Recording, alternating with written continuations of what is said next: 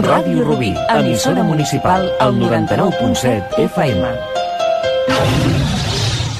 La siguiente historia tiene lugar entre las 12 y las 14 horas. El espectáculo es espectacular. Eh, la redundancia, espectacular. Yo no me lo pierdo. La cultura es la segunda cosa más importante. Primero la salud, después la cultura, el dinero. Si nos pincháis, ¿acaso nos sangramos? Si nos hacéis cosquillas, es que no reímos. Si nos envenenáis, ¿acaso no morimos? ¿En serio? Creo que se está echando un farol. Sí, nunca intente farolear a un farolero. ¿Tiene usted por casualidad una Karenina de Tolstoy? Creo que sí. Hay que verificarlo. ¿Verificarlo? ¿Y va a apestar a fiambre? Hablas como en las películas. Caray, qué complicado es. No logro acordarme de todo. Eso no está en el guion. To be or not to be. That is. That is the question.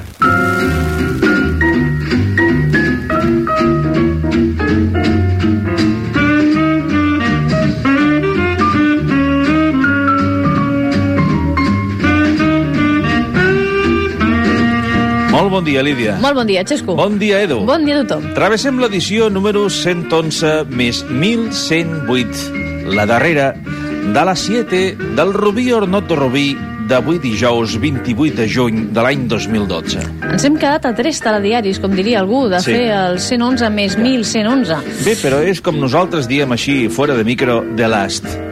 The Last. The Last Edition Sí, de Last Edition of la 7. of the temporada Dish. Sí, això ja Sí, t'estàs liant, eh? Sí, un poco Yoda. Bé. Estic parlant una mica Yoda.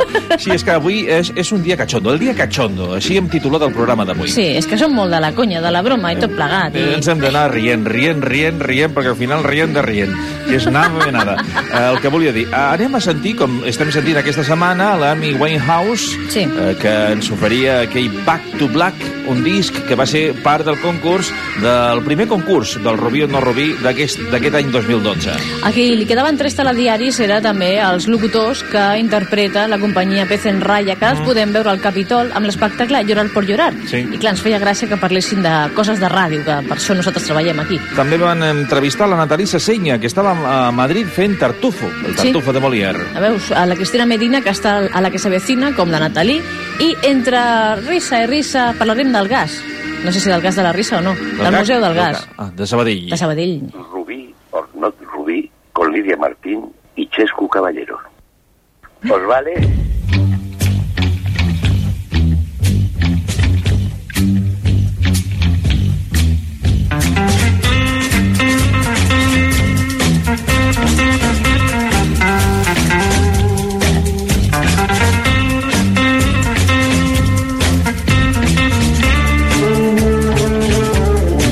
Costa parlar ja, eh? Sí, costa Sí. parlar. Què, què ha passat? El refredat, la El tos refredat. tot plegat. Sí. Que és tos seca, tos mocos, què és? Eh, Aniston? Ah, no, i Aniston. no, no, no, Iniston, no? abuelo, el Iniston. Estava pensant en altres no, coses. és un eh? altre. Sí. Bé, Mm, anem no a sé sentir- com és la meva tos. No? Després faig una No, demostració i... L'Amy Winehouse uh, s'ho curava molt bé. Sí? Així va acabar. La...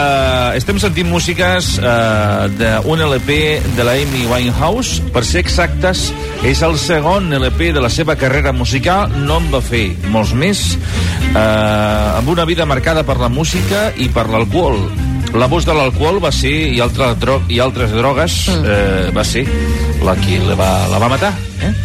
Uh, la seva mort eh, en blanc i negre, bé, la seva mort prematura als 27 anys com a conseqüència d'un abús de l'alcohol va fer entrar aquesta estrella musical a que el que s'anomena el Club dels 27. Sí. Amb estrelles com Kurt Cobain, Jimi Hendrix, Jenny Joplin o Jim Morrison.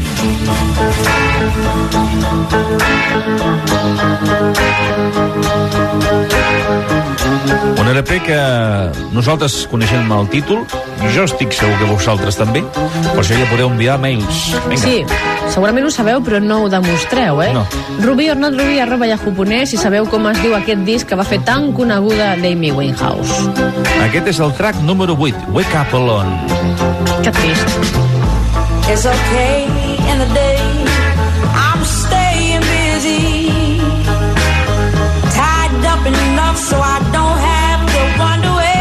Aquest LP va tenir un èxit rotund i una crítica favorable i va guanyar nombroses comparacions amb el que era o és el Rhythm and Blues de la Motown d'aquest estil.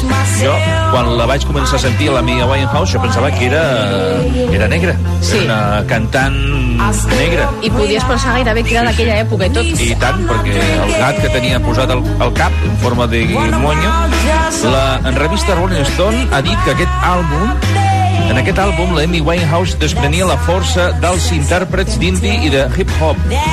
La revista anglosaxona People va afirmar que aquest àlbum és un, és un disc que és millor cada vegada que s'escolta. És el segon treball i millor encara que el primer. El tercer potser seria millor, el quart i el cinquè no el podrem veure. Busquem el títol d'aquest àlbum de la Amy Winehouse i tenim premis de cine. Segon disc d'estudi de la cantant britànica que la va consagrar total, totalment a tot el món.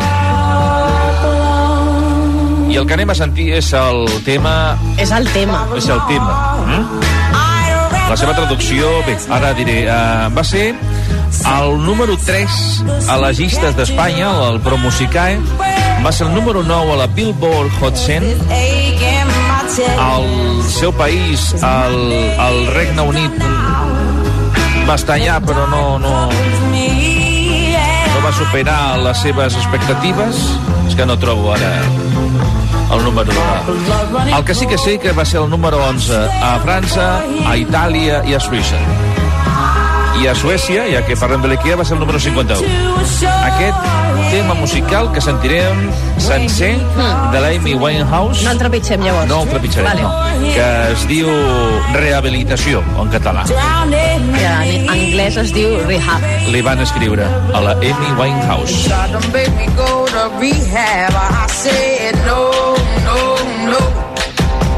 Yes, I've been black, but when I come back, no, I ain't got the time, and if my daddy thinks I'm fine, just try to make me go to rehab. I won't go,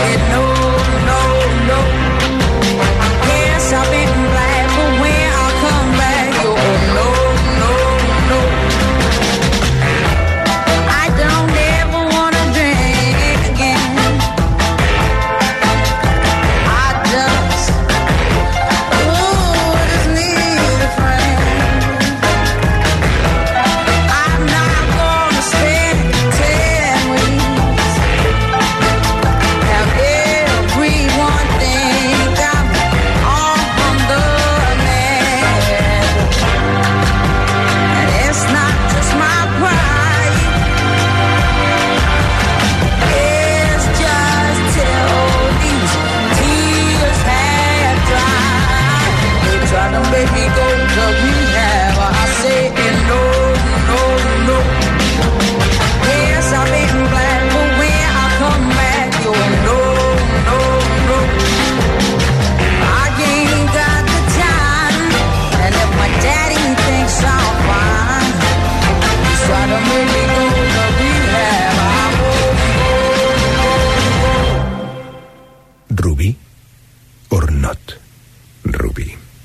Amb Lídia Martín i Xesco Caballero.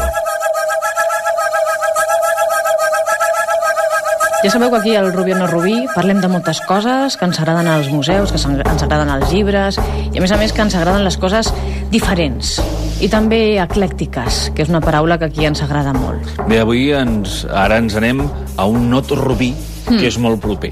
Molt, sí, sí. Venim a De la Sabadell. comarca, de la comarca. a la comarca, com diria el Jordi Barra, anem a Vallesear. I llavors el que farem avui serà parlar d'un museu que podrem mm, visitar a Sabadell, com deia el Xesco, i que, a més a més, és l'únic museu estatal que es dedica a parlar del gas. Que dius, ostres, s'ha de tenir també eh, voluntat, eh? Per què? Per fer un museu del gas? Sí, perquè, No, per què? home, jo, jo ho veig com, Això, hem com de fer un estrany. homenatge al gas. Quan anem a dinar cada dia, abans de dinar, hem de... Sí. molta gent té el gas per, per, per fer el, el, el, el sopar o el dinar. Clar, però... Anem pel matí a la dutxa, si no tenim gas, moltes vegades...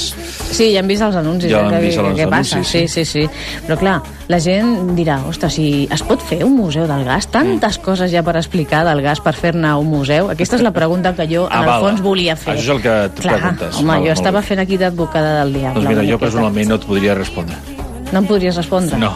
Bé, de fet per això tenim el Pere També, Fàbregas al sí. telèfon, perquè ens ho expliqui també ell, que per això és director de la Fundació Gas Natural Fenosa. Pere, què tal? Molt bon dia. Hola, bon dia. Bon dia. Jo ara estava fent-me aquí la tonta, eh, una miqueta, perquè clar, com que vull que m'ho expliquis tu, si tantes coses es poden explicar del gas per fer-ne un museu... Bueno, es poden explicar moltes coses, no? Vull dir, el, pensa que el gas a, a casa nostra té 170 anys d'història, fa 169 per ser exactes. Dir, fa 169 anys que la gent té gas o pot tindre gas a casa seva. A Barcelona, que és una ciutat sempre moderna, eh, el gas va arribar a les cases per enllumenar-les abans de l'aigua corrent, 25 anys abans. O sigui que hi ha moltes coses per explicar. A més, té un bon futur. Dir, en el Museu del Gas intentem explicar la història, és dir, de, eh, expliquem tres o quatre coses. Una, la història de la nostra empresa, de la Gas Natural Fenosa, que és el que va introduir el gas a Espanya fa molts anys per l'enllumenat, el 1843. Mm. Uh, però també expliquem com ha evolucionat la tecnologia, com això va permetre que la gent, el canvi social, sortís al carrer a la nit, perquè abans no hi havia llums al carrer, per tant no podia anar al carrer. Com es va inaugurar, per exemple, el Liceu de Barcelona el 1846 amb llums de gas, perquè no n'hi havia d'altres. Si no, no hi havia Liceu. és Clar. bastant evident, no? Però a la vegada, amb això, també expliquem com ve l'electricitat, expliquem com es tanquen les fàbriques de gas i com s'ha el gas natural, que ja, ve, ja no s'ha de transformar, ve directament doncs, dels països productors, en barcos d'aquests de 160 graus sota zero, que això és molt divertit. No? I a la vegada intentem explicar o albirar una mica quin és el futur de l'energia i el medi ambient, que és un tema bastant apassionant, no? és a dir, veure cap on pot anar una mica tot això. No? A la vegada també expliquem la sostenibilitat. Ens sembla que aquest és un tema important. No? Intentar fer més coses eh, amb la mateixa energia o fer-ne amb menys energia les mateixes. No? Mm. Doncs l'edifici en què estem, que és una antiga fàbrica d'electricitat que feia electricitat amb motors de gas de finals del 19, de 1899 exactament, doncs gasta la meitat de l'energia d'un edifici normal. I això té la seva gràcia. No? Tot això ho expliquem. Perquè clar, ara parlaves del futur, i quin és el futur del gas? Bueno, és un futur, eh, l'últim informe, ara em posaré sèrio, no? L'últim informe de l'Agència Internacional de l'Energia, que va presentar a Londres el novembre de, de l'any passat, deia, un dels epígrafes de l'informe deia eh, l'època durada del gas natural, the golden age of natural gas. S'ha trobat gas no convencional, hi ha reserves per 250 anys al món, eh, estan baixant els preus a nivell internacional, sembla que té un futur important, sí. Uh -huh. Com deies, a banda de, del museu hi ha altres activitats també que, que feu des d'allà de, des i des de la Fundació i darrerament heu presentat un llibre que parla de Juli Batllavell, un gaudinià oblidat. Més, Explica'ns, eh, per la gent que no sabem encara ben bé qui és aquest home, què, què és el que va fer? Bé, en Juli Batllevell era eh, un arquitecte de finals del segle XIX, inicis del segle XX, que era de Sabadell, era arquitecte municipal de Sabadell, també va ser arquitecte municipal de Badalona i altres llocs. I és un individu, un arquitecte que està molt poc estudiat, és a dir, no hi havia pràcticament res publicat sobre ell, i és una persona doncs, que fa fer coses amb el Gaudí, mm. cases, per exemple, aquell restaurant que hi ha a Barcelona, la Casa Calvet, doncs és feta a mitges entre el Gaudí i el Batllevell, la casa del costat, eh, que és la casa d'Antoni Salvador, la va fer sot només el Batllevell, a dintre del Parc Güell, doncs la casa que hi ha dalt de tot del Parc Güell és del Juli Batllevell, la va fer per un abogat de Sabadell, que es deia Tries, la casa Tries. És a dir, d'alguna manera van tindre una col·laboració amb una sèrie de projectes eh, i és una persona poc estudiada, com et deia, i que per fer el llibre que l'ha fet el Josep Casamartina eh, s'ha tingut que fer una cerca molt important de, de nivells d'arxius i, i de documentació perquè mm, clar, els arquitectes o estan estudiats o no ho estan i aquest no ho estava, no? I ens ha fet una gran joia poder fer aquest llibre, fer la cerca, fer el llibre, perquè és el que va fer l'edifici encara tenim al Museu del Gas, és a dir, aquesta antiga fàbrica d'electricitat que jo deia abans, sí. eh, la va fer el Juli Batllevell, no? Uh Uh -huh. Però també va fer la façana de darrere de l'Ajuntament de Sabadell, o va fer, doncs, aquí a Sabadell, l'Hotel Suís, l'Espai Lluc, és a dir, vas pel carrer, és a dir, si vas per Barcelona i coneixes una mica l'obra del Sagnia, vas dir en aquest edifici de Sagnia, aquell també, etc. No? Si vas per Sabadell vas dir en aquest edifici és Batllevell, aquell també, etc. No? És a dir, una mica és això, però en lloc d'en Sagnia és un arquitecte molt estudiat, molt per també gràcies al seu net, doncs eh, a Batllevell no estava estudiat i el que hem fet és omplir aquest forat. serveix també una mica per, per, per donar la, la, la idea de que el modernisme, eh, aquest gènere, no, aquest, no està només a Barcelona i a Reus, i, sinó que hi ha, a tota Catalunya hi ha eh, peces i edificis modernistes. Hi ha molta obra modernista fora de Barcelona, això és evident, però també és evident que s'ha estudiat molt més tard tot aquest modernisme, no? Hi ha el cas extraordinari de Reus, no? però vull dir, hi ha molta obra que no està estudiada o que no està treballada. Realment, no fa gaires anys encara va sortir un llibre molt gruixut que es deia El modernisme fora de Barcelona, que no, no s'havia fet mai, això. Realment el tema està una mica, em sembla a mi, jo no sóc un expert en modernisme, però que eh, un arquitecte modernista, per ser famós, tindria que, que, que sumar dos o tres condicionants. Un condicionant és ser de Barcelona, sempre això dona més, més llums, no? Dos, haver-se dedicat a la política, si t'hi fixes bé, doncs eh, hi ha un punt de, de, de dedicació a la política que ajuda a donar la imatge, i tres, està amb aquell cànon que va fer l'Oriol Boigues inicial de l'arquitectura modernista, no?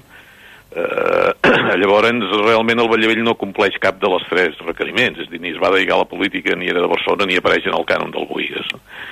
Llavors, els arquitectes de fora de ciutat, jo n'he treballat alguns d'altres pobles per afició, eh? doncs són molt poc, són desconeguts, és a dir, no, no... Per això passa a Sabadell, passa a Terrassa, passa a Vilanova, passa a Llamulis, eh? Mm. Però llavors eh, el fet de fer aquesta eh, primera exposició al Museu del Gas sobre el Juli, el fet de fer també el llibre del Josep Casamartín ha sigut perquè l'edifici on esteu el va fer ell, perquè creieu que calia, perquè no hi havia cap estudi, com deies abans, Pere? Com va, com va començar? Una mica va ser una mica tot això que dius. És dir, realment, eh, quan vam decidir fer el Museu del Gas, i posar-lo al Sabadell ho vam decidir perquè hi quedava, doncs, eh, hi havia aquest edifici del Juli Batllevell, que llavors no sabíem molt bé qui era, perquè no era... però que al anar treballant l'edifici hem tingut que, òbviament, per, per reformar-lo, per adequar-lo, per, per tornar-li a donar la prestància que tenia, la façana històrica, doncs hem tingut que estudiar la història de l'edifici, no? Mm. Uh, llavors, de sobte et trobes que és un edifici uh, maco, fet per un arquitecte, que intentes indagar qui és l'arquitecte i veus que és difícil d'indagar, però que Sabadell ha fet moltes coses, no? I que no, i que no és conegut. Llavors dius, home, potser val la pena fer una primera exposició temporal en la sala de temporals que tenim al museu, explicant qui era aquest arquitecte, explicant quina obra té, que té molta obra, tant a Sabadell com a Barcelona, com a altres llocs, a Sitges té una casa. Vull dir, i d'alguna manera tot això culminar-ho doncs, amb un llibre ben fet, ben presentat i ben escrit, amb una tasca de recerca important com és el que ens va fer en Casa Martina. No? D'alguna manera hem cobert un forat que hi havia no? eh, en l'arquitectura modernista de Catalunya, de Sabadell, però també de Catalunya. No? Bé, i reflexa, suposo, una mica eh, el, el que estava dient, eh, el que estaves dient, Pere. Eh, el fet de que el gas sigui, com, entre cometes, també una nova energia que fa no, no fa gaire que està entre nosaltres, en comparació amb altres, i que sempre ha anat una mica de la mà de, del modernisme i dels temps no?, que estan vivint. Els edificis de gas natural o de Catalana de Gas o de gas natural Fenosa mm, són són coneguts, o sigui, estan a Barcelona, bueno, dins de la ciutat, estan ben, ben posats. Bueno, hi ha hagut una especial sensibilitat. Jo crec que aquesta és una empresa que ha tingut una especial sensibilitat amb aquestes coses i des de quan es fa la seu social històrica, allà al vingut del portal de l'Àngel, que tothom recordarà que allà hi havia la catalana del gas, no? la fa 50 anys després de la seva creació, és a dir, està 50 anys de lloguer, eh? Quan, després de 50 anys, diu, bueno, potser podria tindre un edifici, no? Llavors ho encarrega el Domènec Estepà, eh, i queda un edifici sòlid, d'una factura absolutament sòlida, davant de lo que era Can Jorba, allà, bueno, la, el portal de l'Àngel, no? La Galerías Preciados, Sí. també, no? Jorba Preciados, vamos. Jo, pues sí, bueno, sí. Com vulgueu, no? Ara és el Corte Inglés. Sí. Sí, sí. Però, eh, d'alguna manera, quan té que tornar a fer nova la fàbrica el 1907, aquell edifici és de 1895, quan té que tornar a fer nova la fàbrica de Barcelona el 1907, també li encarrega el Domènec Estepà, i encara queda la Torre de les Aigües, que el podeu veure allà baix a la Barceloneta, o l'edifici que era pel director de la fàbrica, que ara hi ha un, un centre d'interpretació del medi ambient de l'Ajuntament. Uh, quan es posa aquesta mateixa empresa a fer centrals elèctriques, la primera que fa és la central Vilanova, aquella que hi ha a la prop de l'Arc del Triomf, uh, que és de Pere Falqués, aquella central. És preciosa. Una central modernista, vaja, l'edifici modernista és molt maco, no? Llavors, eh, vull dir que hi ha hagut una sensibilitat amb això. I hem intentar, quan es fa una cosa, fer-la bé. L'últim edifici, la seu social, que és del Miralles i de la Tagliabue, vull dir, a la Barceloneta, vull dir, la maqueta la va comprar el MoMA de Nova York, que està exposada al MoMA de Nova York, la maqueta d'aquell edifici. Mm. Vull dir que alguna... Eh, s'ha pensat una mica, no? I s'ha intentat fer-ho bé, no? Es fan poques coses, potser, però fer-les quan es fan ben fetes. No? Uh I Pere, en el museu, què, què és el que podem veure a les diferents sales? Museu intenta, t'ho explico molt ràpidament, és dir, el museu realment disposa de quatre espais expositius, per dir-ho d'alguna manera, part de l'exposició temporal del Vallevell. És dir, té un espai en què intenta explicar o explica la història de gas natural fenosa, que és tant com explicar la història de l'energia en aquest país, eh, gas natural, l'antiga catalana de gas, que és del 1843, que es crea per posar enllumenat de gas als carrers de Barcelona, que no, no hi havia d'enllumenat. No hi havia enllumenat de gas en cap ciutat d'Espanya. Comença aquest sector per, eh, amb això, creant aquesta empresa, que la creen una sèrie de gent de Barcelona, eh, per fer enllumenar els carrers, no? Després la vida passa i ja el gas no serveix per l'enllumenat, no? Serveix per altres coses, per cuinar, per escalfar-se, el que dèieu abans, no? Però no serveix per enllumenat, no? Llavors això ho expliquem, però com que és una empresa que eh, té una història molt llarga i que ha anat fent moltes coses i també ha fet grans adquisicions d'altres empreses, també expliquem coses d'aquestes altres empreses. No? Per exemple, de Gas Madrid, que la vam absorbir l'any 91, o de Unió Elèctrica Madrilenya i Fenosa, que els vam absorbir el 2009. És dir, hi ha coses de tot això. No? Uh -huh. Això ho expliquem per una banda, hi ha l'arxiu històric, l'arxiu històric de la Fundació Gas Natural Fenosa té 3 quilòmetres de prestatgeria catalogada, vull dir, com l'arxiu històric d'empresa el més important de Catalunya. 3 quilòmetres. Sí, sí. sí, sí. Es diu ràpid, eh? Es diu aviat, sí, però, però hi ha molt paper, no? I molt material gràfic, fotografies, aquelles fotografies antigues de plaques de vidre, bueno, hi ha molt material, no? Preservat, perquè és una companyia que ha tingut aquesta sensibilitat per fer-ho, no? Llavors, això ho expliquem en un nivell expositiu. Un altre nivell expositiu intentem explicar com ha evolucionat la tecnologia del gas i en part també de l'electricitat i com això ha afectat a la societat. És a dir, escolti, el primer gas es feia en unes fàbriques que es feia destil·lant carbó i servia per l'enllumenat. Aquest enllumenat servia perquè la gent pogués sortir al carrer o pogués anar al teatre. No? Mm. Després ve l'electricitat. El gas s'ha de reinventar. Es té que reinventar que serveix per cuinar, per exemple. Però, esclar, la gent que llavors cuinava amb carbó pensa que això de cuinar amb gas és una modernitat que no, que no deu ser bo, això, no? Llavors s'ha de convèncer la gent de que cuinar amb gas doncs, és bo, és adequat. Ara ja ningú hi tindríem que explicar, això, no?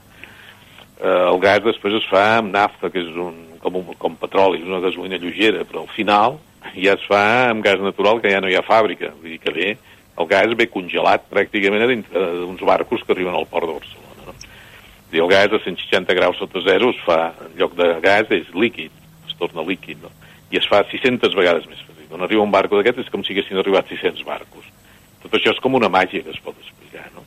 Mm. Uh, tercer espai expositiu, expliquem el futur de el que ens sembla, com es tindria que pensar amb el tema de l'energia al medi ambient, és a dir, parlem de l'eficiència energètica, parlem de les renovables, parlem de que, eh, bé, no hi ha solucions màgiques i úniques, fem això i ja està, no, sinó que intentem que la gent pensi, aprengui a pensar, diem, tot té avantatges, tot té inconvenients, però no fem judicis de valor, això és el bo i allò és el dolent, això cadascú s'ho ha de fer ell, no? D'alguna manera això ens permet aportar informació, tenim alguns estris per allà, vull dir, models, doncs, de, de molins de vent o d'una moto elèctrica o del que vulguem, no? coses d'aquestes. Intentar esbrinar una mica el futur, que és molt interessant. No? Estem immersos en el món de l'energia i no ens en donem compte. La majoria de la gent, si és per un endoll que surt a tirar electricitat. I dius, I d'on ve aquesta electricitat? No ho saben. Com es fa? Amb què es fa? No ho saben, tampoc, no? I, en canvi, si allò deixa de sortir electricitat, És un eh, problema. no funciona res, no? sí. És a dir, depenem d'una cosa que no sabem molt bé, com a ciutadans, què és, no? Ni com se fa, ni d'on surt, no? Mm. Llavors, eh, explicar una mica això és maco. No? El quart, el quart element del discurs és el discurs de la sostenibilitat. Estem en un edifici que per consumir menys energia, per exemple, a dalt a la terrassa, doncs és un edifici que està tancat amb aigua, no?, per dalt. Que això ajuda a aïllar l'edifici a l'hivern i l'estiu. Això és un aljupar, per això ho han inventat els àrabs, no? Això fa que gastes menys energia en aire condicionat a l'estiu i menys energia en calefacció a l'hivern, no? Per tant, l'edifici és més eficient, no? Bueno, expliquem aquestes coses, que són francament eh, interessants, no? I, i realment han vingut ja moltes escoles i surten eh, la gent molt contenta, eh? Clar, Ara és un, és un museu estrany, eh? Vull dir... Ja, ja ho dèiem, eh? Ja ho dèiem que era com dir, raro. Que, jo recordo el primer dia, la primera mestra que va vindre amb un grup de nanos que deia, bueno, m'ha agradat molt el museu. Diu, però esclar, jo em pensava que això era una altra cosa. Pensava que aquí, ella es pensava que teníem els tubets que la gent té a les cuines de casa seva, que allà ensenyaríem com són aquests tubets. I dius, home, això, això ja ho tens a casa, no, no cal que t'ensenyem. No? D'alguna manera... Ara, però, però sí, era una professora de tecnologia d'un institut. Realment, eh, hi ha museus, on hi ha, vosaltres que us dediqueu a fer programes culturals, n'hi ha dos tipus, no? Vull dir, eh, museus, eh, hi ha museus d'objectes i museus de conceptes. Hi ha museu d'objectes clàssic, és un museu de quadres, no? Quadres, el pots triar en quin ordre els poses, eh, com els il·lumines, quina cartel·la li poses i poc més. Perquè, la, diguem, el, el discurs expositiu és el propi quadre, no? Sí. En el nostre cas estem en un museu de conceptes, és a dir, tenim un discurs, intentem explicar coses, i ens apoyem amb objectes o amb audiovisuals o amb el que toqui, no? Però vull dir, eh, no és tant anar a veure uns objectes quiets que els hi posem un lletrero molt interessant, que també n'hi ha, eh? Però no és només això, sinó que és intentar eh, esbrinar una mica per on va tot això, que és, eh, bueno, el món de l'energia és un món apassionant, eh? Sí, sí. A més, també, eh, fa poc heu tret també un altre llibre que es diu la, la tecnologia del gas a través de su història. Sí. perquè la gent també doncs, pugui, com deies tu, saber com, com es feia abans el gas, fins com es fa ara i, i tot plegat. Uh, per cert, Pere, a l'exposició del Juli Vall Vallavell, fins quan es pot veure? Perquè és l'exposició temporal, però fins quan hi ha temps? Sí, en principi la veuria... Pensem que tindria que estar fins a final d'any, més o. Uh -huh. I pensa que hi ha molta gent de Sabadell que em diu, escolta, això no ho traurà, oi? d'alguna manera descobreixen un arquitecte doncs, important a la ciutat i que té doncs, un arrelament i això, i que no ho havien vist mai, no? I eh, realment, esclar, la gent de Sabadell és un descobriment, no? I fet aquí al bell mig del poble, doncs està bé, no? Clar. Però jo espero, va, és una exposició que també ha sigut una exposició doncs, que ens ha costat de muntar, perquè hi ha tota una recerca a darrere, i, i jo crec que fins al voltant de final d'any estarà. Eh? Perfecte. Doncs eh, ja sabeu, eh, podem visitar el, mu el Museu del Gas, ja sigui per l'exposició eh, permanent o per l'exposició temporal dedicada al Juli Vallavell. I, Pere, esperem que estiguem en contacte el Rubí o no Rubí amb el vostre museu i que ens aneu informant també d'altres activitats que, que feu allà. No, no tinguis dubte que tindrem el corrent. És molt interessant el vostre programa. Perfecte, moltíssimes gràcies. Gràcies, Vinga, Pere. Que vagi molt bé. abraçada. Una abraçada.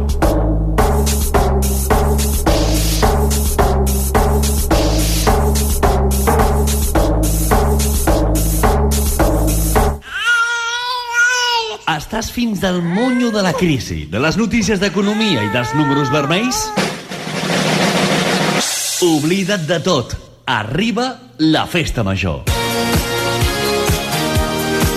Quatre dies de festa, de música, de trobades. Viu la festa grossa de la teva ciutat al teu punt d'informació local. Segueix-nos al 99.7 FM, al web radiorubí.fm, a les xarxes socials, facebook.com barra radiorubí.fm i tuiteja amb nosaltres amb l'etiqueta Festa Major Rubí. I a més a més, estigues ben atent.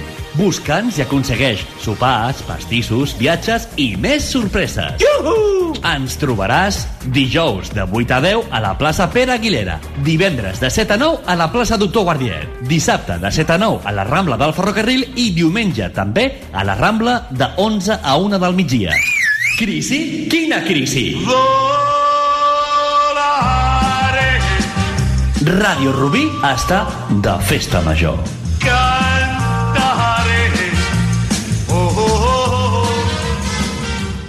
Ràdio Rubí, 99.7 FM. Fes la teva. Leroy Merlin Sabadell ja està obert per tu. Tot un regal per la teva llar amb la millor qualitat al millor preu. Els serveis que necessites, venedors experts. Vine i aprofita les grans ofertes d'obertura fins al 23 de juliol. Som al passeig de Sant Pau de Riusec sense número. Promocions no acumulables. Leroy Merlin. Dóna vida a les teves idees. Dia. 29 de juny. Hora? 22.30. Bona nit. Lloc? Plaça Doctor Guardiet. Què? Serrat, de Rubí al món. Probablemente en su pueblo se le recordará. Amb qui? Concert por gusto por Serrat i Buscados.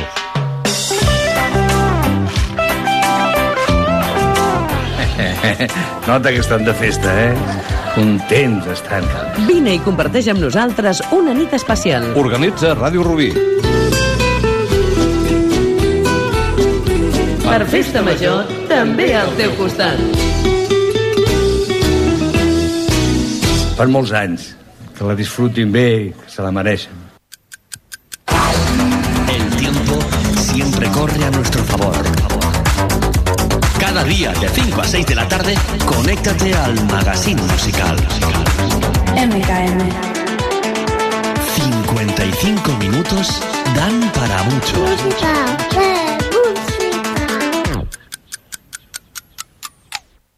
Segueix. Encara que sentis que no avances, segueix. Segueix encara que creguis que no et tornaràs a aixecar. Encara que perdis les forces, segueix. Segueix. Segueix. Segueix perquè sempre hi ha una sortida. Perquè si creus en tu, res et podrà vèncer. Fundació Esclerosi Múltiple. El 8 de juliol mulla't per l'esclerosi múltiple. Informa't en el 902 11 30 24 o a www.fem.es.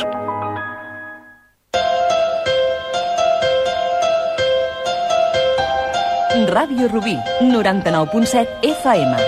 Rubí or not Rubí, con Chescu Caballero y Lidia Martín. Esto es una grabación. Esto es una grabación. Esto es una grabación. Esto es una grabación. Esto es una grabación. Esto es una grabación.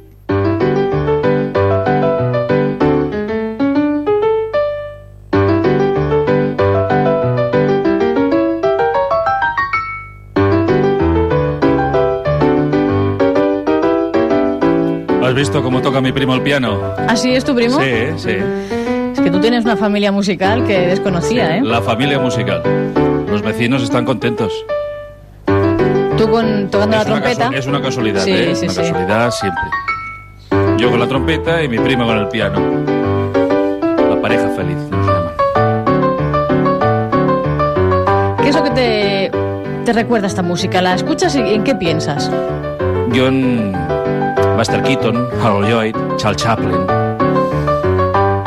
Yo también pienso no en viví cine esa mudo. época porque, como es evidente, si no estaría en otra parte.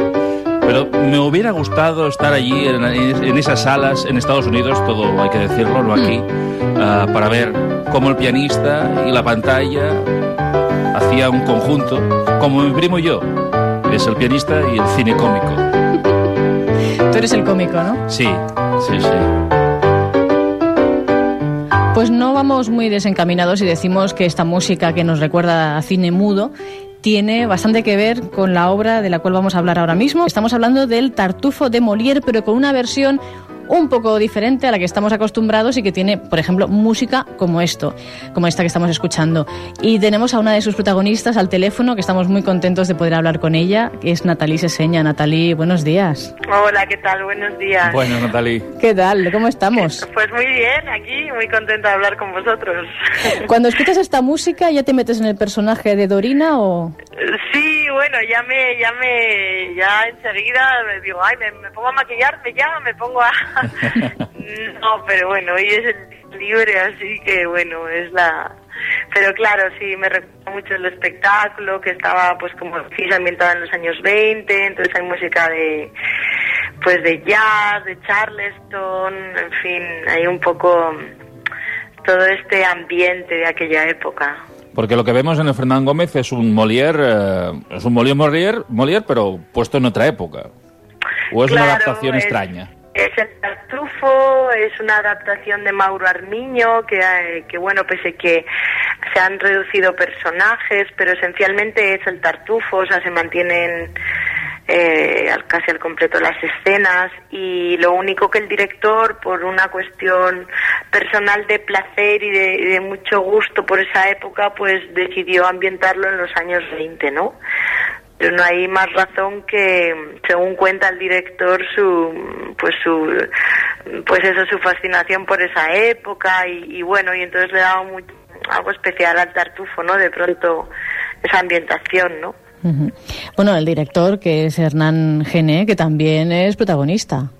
Hernán Gené sí que aparte de dirigir está ahí haciendo el tartufo el el famoso tartufo está hace ahí un doblete muy complicado y muy bien y la verdad que, que ha hecho todo un tour de force no Ujú. ¿A ti cómo te llegó el papel, Natalie? Bueno, pues, eh, bueno, pues el- me, me- me llamaron de la productora y me dijeron que querían proponerme este, este personaje y esta obra y bueno, pues lo leí, me entrevisté con el director, me hablaron del proyecto y, y la verdad que me pareció muy atractivo, ¿no? Muy interesante eh, como de pronto bucear aquí en primero en Molière, nunca había trabajado en Molière, tampoco había trabajado un clásico y luego el tema de la hipocresía me llamaba mucho la atención. Luego el tema de yo quería trabajar con este director con Hernán Gené hace tiempo porque había visto varios espectáculos de él. Fue, un convenio de cosas y bueno también me ofrecían un, un personaje muy bonito Dorina. En fin fue un compendio de cosas que, que no me lo pensé la verdad. Aparte, pues entre estos, estos actores nuevos, tienes compañeros que ya conoces de, de televisión. Sí Cristina Hmm. Claro, con Cristina yo ya comparto la, la, la serie, ¿no? O sea, que ya nos conocíamos, ya teníamos eso ganado. ¿Eso es más fácil porque ya os conocéis, trabajar en una obra de teatro o no tiene nada que ver? La verdad que, que la estructura o el día de trabajo de, de la tele y el día de trabajo de- del teatro es que no tienen nada que ver. O sea que es muy diferente, ¿no? Porque en televisión es otra manera de funcionar, ¿no? Digamos que en el teatro yo creo que tiene que haber más complicidad, eh, sobre todo de cuando una vez que estás en el escenario, ¿no?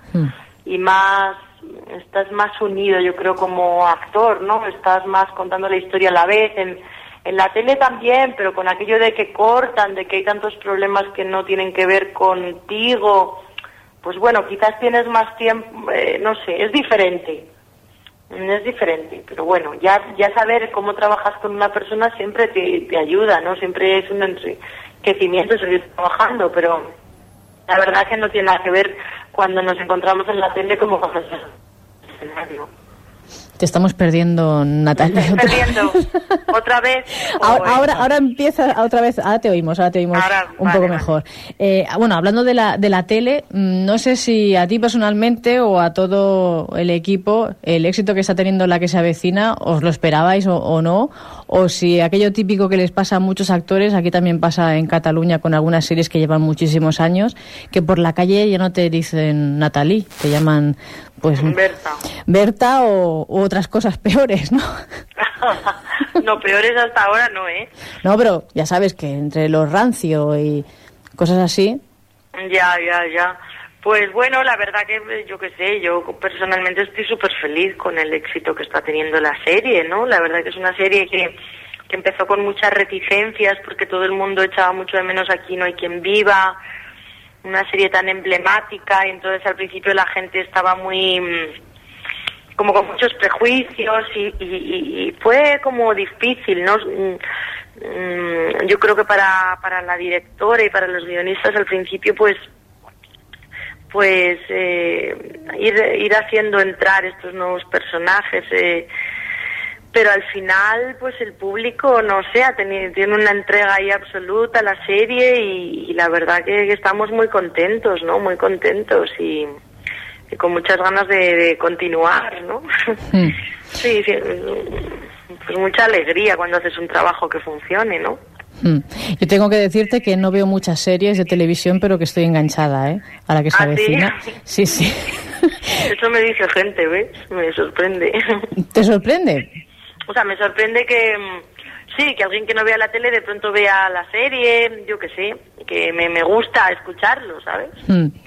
¿Cómo es trabajar con Jordi Sánchez? Hombre, Jordi, ¿quieres que te diga? Jordi, aparte de ser un actor maravilloso, es una persona increíble. Entonces, yo ha sido uno de los grandes regalos que tuve desde el principio en esta serie fue el compañero, porque luego todos los compañeros que tienes en un trabajo, pues con algunos, claro, tienes que son con los que estás más tiempo y con los que trabajas más, ¿no? Y y bueno, y que, que, que- fuéramos pareja en la serie, pues me, pare, me parece a mí un regalo. Es un hombre encantador, súper generoso como actor y, y que yo creo que ha creado un personaje fabuloso, ¿no? Yo estoy muy muy muy feliz, ¿no? De, tenerle ahí cerca y, y, y trabajar con él, jugar con él, ¿no? O sea, ¿realmente os lo pasáis tan bien como uno se imagina haciendo una serie así de humor? Bueno, la verdad que lo pasamos bien, ¿eh? La verdad que lo pasamos bien y, y- y- y nos reímos mucho, pero claro, también hay momentos y hay días pues difíciles, ¿no? Y hay escenas muy complicadas de rodar y que llevan muchísimas horas, ¿no? Y entonces ahí pues te pues bueno, como en cualquier trabajo, ¿no? Hay mucho tiempo de espera, mucho cansancio, o sea, hay momentos muy duros, ¿no? Pero sí que es verdad que el estar haciendo comedia y, y personajes tan absolutamente desquiciados, pues pues sí que nos lo pasamos muy bien y nos reímos mucho y luego ya llevábamos mucho tiempo, ¿no? O sea que entre nosotros ya hay mucha complicidad y, mucho compañerismo, ¿no? O sea que que yo creo que ahí hay un, un equipo que, que bueno que está junto, ¿no? Que estamos contentos de estar juntos, ¿sabes? Ahora, Natalie, supongo que te conocen más por eh, salir en la que se avecina que por tus eh, personajes de, de cine, ¿no? Me imagino. Sí, me imagino que sí, porque siempre es así, ¿no? Siempre te conocen más por lo último.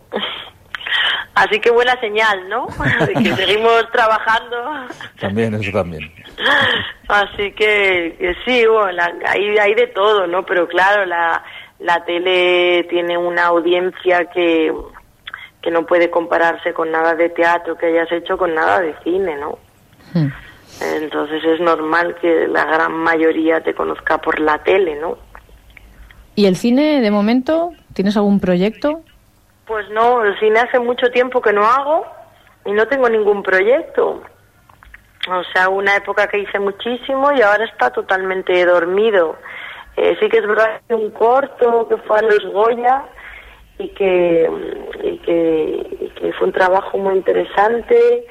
Y, pero no, en cuanto a películas, la verdad que no, no tengo ningún proyecto a la vista de momento.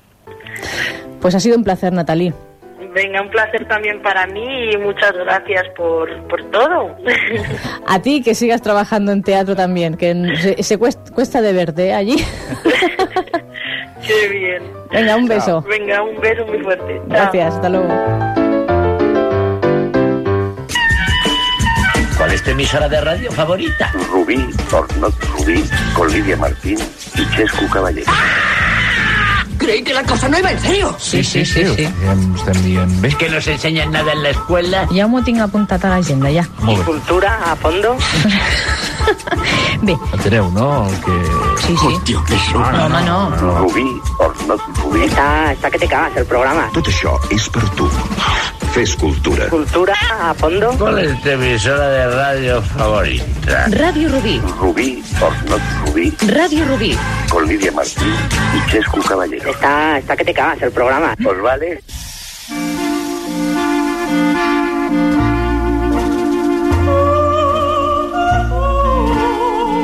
Esto es una grabación. Esto es una grabación. Esto es una grabación. Esto es una grabación. Esto es una grabación. Esto es una grabación. Esto es una grabación. Esto es una grabación.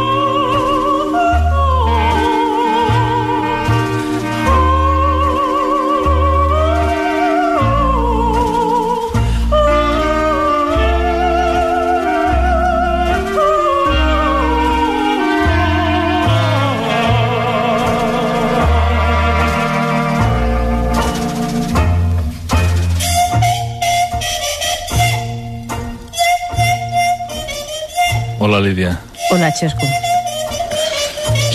Esto és, això és començar un programa d'aquests. De nit, no? Sí, de nit. No t'ho han dit mai que podries fer un programa de nit? No. A mi sí. De nit m'han dit, dit moltes coses, però Ah, sí? que me'n vagi a un altre programa. sí. Que triste. Hauria de trucar. Aquí. Aquest programa. Al, al llorar por llorar. Llorar por llorar. Aquest és el nom del programa? No sé. Ai, no sé. Nosaltres portem... Aquesta, aquesta és la setena temporada del Rubí o no Rubí, però aquesta gent que tenim avui al programa porten més temps, eh? Porten 15 anys Mm. en antena. I estan a punt de- d'acabar ja. I dius, i per què? Jo els hi preguntaria directament amb ells, eh? Sí? És l'últim programa. És l'últim programa. Ja sabeu que nosaltres també estem pensant aquí quan ens arribarà l'últim programa. Sí. Esperem que no arribi, no? Però Bueno, con la crisis, nunca se sabe. no. Bé, hi ha un espectacle que es diu Llorar por llorar, que s'estrena eh, aquest cap de setmana a la sala Trono de, de Tarragona i tenim els seus protagonistes al telèfon. A més a més, una d'elles, bueno, ella, ja la vam tenir fa molt de temps. Mm. Clar, ell no se'n recordarà perquè No. ha fet moltes entrevistes, seguríssim, però nosaltres Ui. la vam tenir quan feien el programa número 12 i ja portem més de 1.111 programes, imagina't. Sí. Doncs sí, tenim al telèfon la Cristina Medina i el Joan Estradé, que són de la companyia Pez en Raya que ens porten aquest espectacle. Cristina, Joan, què tal? Bon dia, buenos días. Hola, bon dia, Catalunya.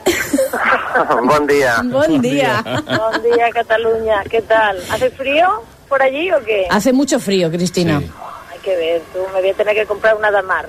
O dos. A ver, ¿qué nos explicáis de este programa? ¿El programa se llama Llorar por llorar o no? Sí, porque da mucha pena, es un programa de pena. sí, se llama Llorar por Llorar porque cuando empezamos a trabajar en el proceso creativo de este espectáculo, pues era toda la radio y, era la similitud del hablar por hablar, pues llorar por llorar porque teníamos una sección que era, pues esto, gente que, que llama contando penas y, bueno, y, eso estaba por ahí. Eso fue el arranque de, la idea que hoy en día ya no existe esta sección tal dentro del espectáculo, pero sí un poco el espíritu, digamos, ¿no?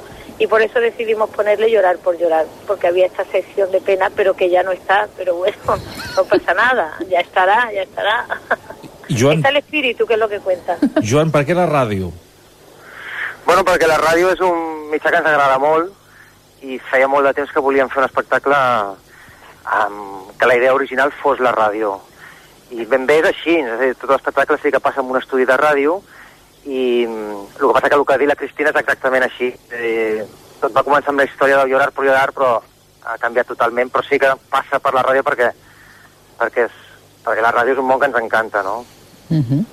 La vostra... ¿Qué pasa, Cristina? Estoy en Madrid. Estoy en Sevilla. Nos vemos en Tarra- sí, nos vemos en Tarragona el viernes. ¿Cómo se lleva esto de, de estar mm, pues casi 15 años juntos trabajando eh, en la compañía Pez en Raya, pero luego cada uno haciendo sus cosas también? Pues que lo pregunta justo hoy, que venimos de hacer tres previas el viernes, sábado y domingo y está absolutamente machacados.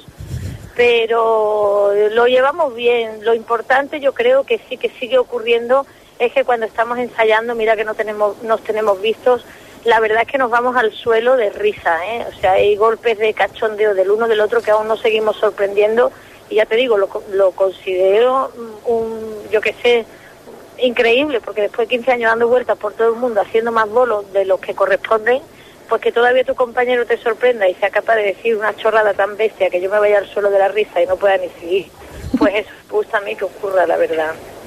¿Cómo que más bolos que los de la cuenta? No, más bolos de la cuenta en el sentido que han habido años y épocas en los que de pronto hemos hecho 160 bolos al año, 140, eso es día sí, día no, y el del medio también, y eso pues son muchas horas de fragoneta, muchas horas de escenario, que podría haber desgastado absolutamente eh, pues la pareja artística, el, equipo de Pez en Raya y, y- y el humor y las ganas de reírte, y sin embargo no ha ocurrido. Hay mucha gente que, contra que después de 10, 15 años se separan porque este mundo del teatro, bueno, pues te has tenido que faltar el oxígeno al nacer para seguir dedicándote a esto, la verdad, porque tiene su intrínculo. I com us vau conèixer? Ens vam conèixer concretament a Londres fa, fa aproximadament pues, això, 15-16 anys, una mica més, i ens vam conèixer en una escola a Londres, a l'escola Philip Gaulier, i, i a partir d'allà vam tenir la idea de fer companyia, i bueno, han passat 15 anys, vull dir. Però sí, ens, ens vam conèixer a Londres. Uh -huh. I a més a més, doncs, eh, heu voltat per tot arreu del món, eh? El, el humor eh, és tan fàcil d'exportar? Pues mira, parece ser que, hombre, fácil, fácil, así del tirón fácil, no considero que sea nada que tenga que ver con el humor, es fácil, aunque es lo que menos se valora dentro de las artes escénicas. Pero resulta que cada vez que hemos salido fuera, eh, cuando hemos ido a países donde se hablaba el inglés, lo hemos hecho en inglés, ¿no? Y al principio era como, oh, coño, esto colará, esto colará, y ha colado. Pero una de las pruebas de fuego fue cuando fuimos a China, que había que hacerlo en español subtitulado en chino, y dices tú, bueno, esto sí que no va a colar de ninguna manera, ¿no? Y resulta que. Entonces lo que te da el dato es que la gente se ríe de estos dos tíos porque están fatal. El espíritu que debemos desprender nosotros en el escenario es de estar muy mal de la cabeza cuando la gente al final se acaba riendo de, bueno, del plan que tenemos, en definitiva. Es, es- ¿Puede ser es un programa que os gustaría escuchar en la, en la antena nacional? Pues a mí lo que me gustaría es ver algún día un espectáculo de pez en raya. Yo, la verdad es que a veces digo, es que me gustaría estar abajo y ver si yo viera estas dos notas, ¿qué me pasaría? ¿Sabes? Si me río o pensaría, o no lo sé, a veces esas, lo que pasa es que no me podrá pasar nunca en la vida, ¿no? Pero eso sí que a veces pienso, sí, me gustaría ver un, un pez en raya a mí, sentadita tranquila en vez de sudando, ¿sabes? Doncs, Joan Cristina, que vagi molt bé. Moltes gràcies, eh? Moltes gràcies, un petó. Adeu. Un petó. Adéu, adéu. Adéu.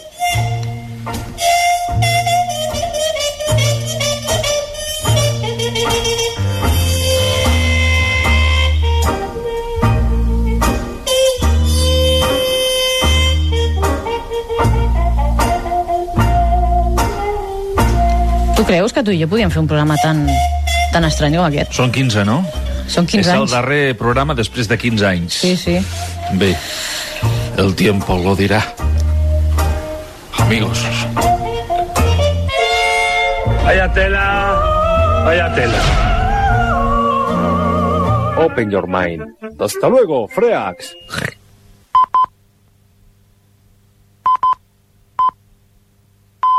És la una del migdia. Ràdio Rubí, 99.7 FM. Fes la teva. Ah, ¿Qué día es hoy? ¿Lunes? ¿Martes? Eh, estoy animado desde el final del siglo XVIII. Me parece que hay algo muy gracioso en esta pintura. Oiga, si encontrásemos al tipo que pintó este cuadro, tendríamos una buena pista. ¿Qué ha dicho usted? Digo que si encontrásemos al tipo que pintó este cuadro, tendríamos una buena pista. Eso ya lo dijo antes. ¿Qué estás buscando? El mando a distancia. No consigo encontrar el mando. ¿No lo habrás guardado tú en algún sitio? No, no, no. ¿No sabe usted leer? Sé leer, pero no tan de cerca. Si tuviera los brazos más largos, lo leería. ¿No tiene por casualidad un chimpancé en el bolsillo? ¿Qué se hace cuando se encuentra uno en una cola del cine con un tipo como este? La parte contratante de la primera parte será considerada con la parte contratante de la primera parte. ¿Qué tal? Está muy bien, ¿eh?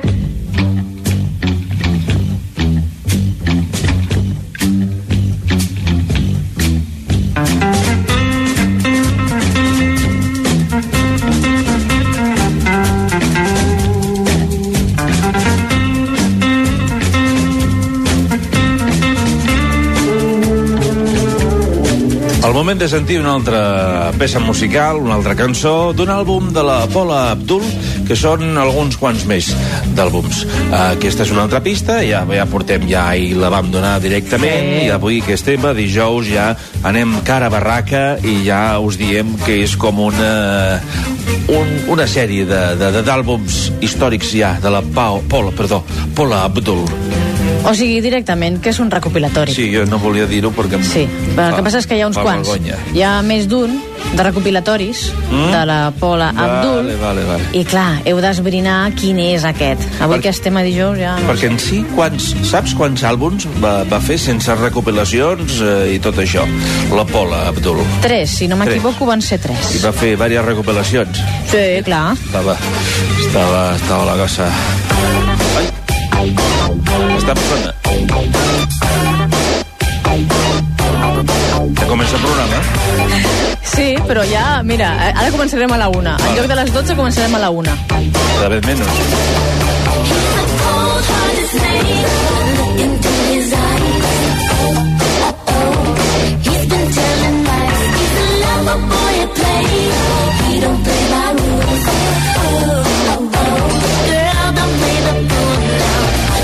aquesta cançó us ha de sonar perquè portem el que portem de temporada Sí. sentint-la de vegades. En aquestes cançons eh, preprograma que posem quan estem aquí baixant per les escales Temes d'espera. i coses així. Sí. Espera, espera, que ja vull. Havia de sortir, eh? Es diu Cold Heart, Hearted, que vol dir que, que tens el cor molt fred. Ah, molt. Vamos, que ets un, un malandrín, per Ah, no dir altres malament. coses que no es poden dir a aquesta hora. És un hijo de... Per exemple, sí. Diu que estàs esperant ja el telèfon, que no et truques, que només et preocupes per tu, i ella dona consells a les noies. Diuen, no t'ho mereixes, eh, vindrà alguna cosa millor, La pensa en un altre tema. i és un tio que, que, que... Bueno, parla de tios, eh? Tio, una tia. No, no, però parla de tios. Parla de tios, Clar, evidentment. És la pola, no el polo. Clar. Li diu que és una serp i tot, eh? Una què? Mira-li mira els ulls, mira quin ulls que té. És, és una serp, és molt dolent. Ah, una serp. Sí, una, una serpiente, vamos. Sí, sí. I aquí fa un rap. S'ha posat gorra? Al revés. Veus? Només veus un reptil. Pots trobar alguna cosa millor, nena. Només et farà plorar. Et mereixes alguna cosa millor. Això sembla una... O sigui, és una música d'autoajuda. Clar, sí. És tan fred com, com, com el gel. És el que diu aquesta cançó. M'agrada molt aquest moviment aquí. Sí, és una mica bé, eh, Mozart. Sí, O Beethoven, és aparta't d'ell, nena. Sí. Rubí, Ornoto Rubí, arroba yahoo.es si sabeu com es diu aquest recopilatori de temes de Paula Abdullah. Paula Abdullah. Va ser l'èxit més gran que va tenir eh, aquell any, 1989, aquest, aquesta cançó, que va fer que la cançó Right Here Waiting, de Richard Marx, que estava de moda en aquell moment i que ara no sé què fa, doncs que portava unes setmanes allà número 1 i aquesta va arribar a dir fa. I també estava dirigit per al David Fincher, aquest videoclip, evidentment, i estava basada en mm, pel·lícules, de, en concret en una, All That Jazz, del Bob Fosse, per eh, com estaven allà, perquè sortien ballarins també, a banda Ella, d'ella. ella és ballarina. O era, ara ja. La fiàtica potser l'està atacant. La ciàtica no sé, però es veu que té una enfermetat Vaja. que es diu síndrome de dolor regional complejo, Ostres, jo que ho deia de broma i és seriós, això. que és una enfermetat crònica progressiva que no es pot curar i que eh, està caracteritzada per un, una, un dolor molt intens. Vaja. O sigui, tipus fibromiàlgia o una cosa així, deu ser. Que molt de reflex que es posis... No? Sí, sí. De fet, aquesta noia va patir també bulímia i altres problemes. No sé si va ser l'època en què estava amb el Emilio Estevez, Ui, casada o no. Suposo. Què es deia? Es va canviar el nom per Pobre Abdul. Era broma, era broma. Rubí Ornoto Rubí arroba yahoo.es si en coneixeu, si sabeu el títol d'aquest LP. Demà donarem la resposta, però vosaltres podeu enviar els vostres mails al rubí ornoto rubí arroba. L'LP recopilatori de Paula Abdul. Com dèiem, aquest videoclip dirigit per David Fincher, un senyor que, a més a més, ha fet vídeos de gent com Mark Knopfler, els Gypsy Kings... Ja vas parlar d'ell ahir. Sí, ja. Aerosmith, molt, Billy què? Idol... Sí, és que m'agrada molt. Michael Jackson també va fer un Home, videoclip. Madonna va fer uns quants també. Que la Madonna i Papa Blu- Paula Abdul tenen una relació. Sí. Vull dir que han treballat juntes. Vull dir, treballat, sí. Bueno, Va estar coreògrafa també alguna vegada, suposo. ah sí? No sé, no ho he vist, això. És que la Madonna és així. O les coses, però no, no diu. No les diu. Ah, he sido yo, he sido yo. He sido jo. Doncs aquest va ser Té l'últim té, vídeo. el, té el cor gelat, també, la Madonna. Ai, que dolent que és. No, és que és No la així. coneixes? No em truca. Ah! És per anar allà al costat del telèfon, no? Ja. Un altre cop al rock. Se repite como el app. Doncs aquest va ser l'últim vídeo que va dirigir el David Fincher, eh, però ara escoltarem una cançó Ah. que potser jo diria que és la més coneguda de la Paula Abdul. El vídeo també és el més conegut perquè es va inspirar amb un gran ballarí també i coreògraf que era Gene Kelly. Ah. Aquella pel·lícula Levando Anclas on sortia ballant amb un ratolí molt conegut, amb Jerry, de Tom i Jerry, eh? Clar. Doncs aquí va fer ja el mateix però amb un gat. I era com una espècie de gat rapero i que, que es deia MC Scat Cat que ho van animar a la Disney, eh, als dibuixos i tal, i semblava que estaven allà els dos junts i tenien, doncs això, tenien mm, diferències d'opinió. Si a un li agradava la tele, a l'altre li agradava el cinema. Lògic. I si un no li agradava fumar, doncs l'altre estava tota l'estona allà amb el cigarret. El gato con gorra. Snake no, era un gat. Doncs això, una cançó que segur que us sonarà és el track número 7 d'aquest recopilatori que estem buscant, ruby or not ruby arroba yahoo.es, i es diu Opposites Attract.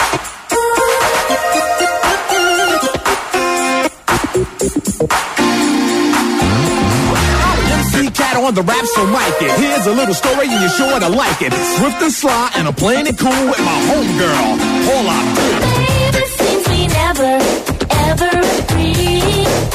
You like the movies and I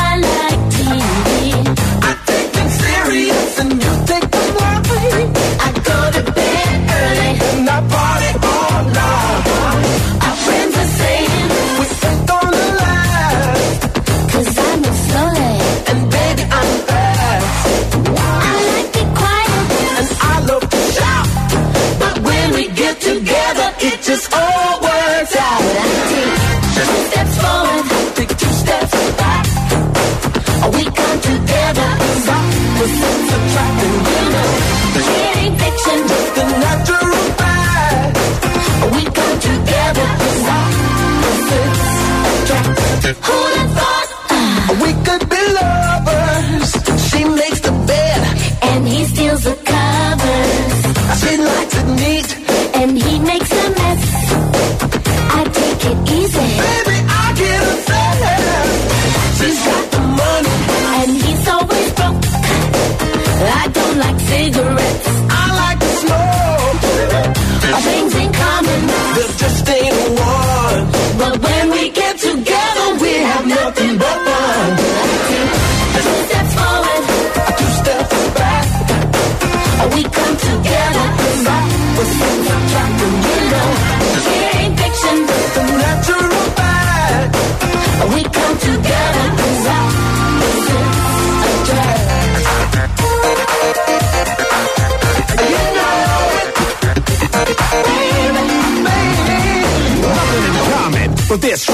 I'm like a minus, she's like a plus. One going up, one coming down, but we seem to land on common ground. Things go wrong, we make corrections to keep things moving in the right direction. Try to fight it, but I'm telling you, Jack, it's useless. Opposites attract. Baby, ain't it something how it lasted this long?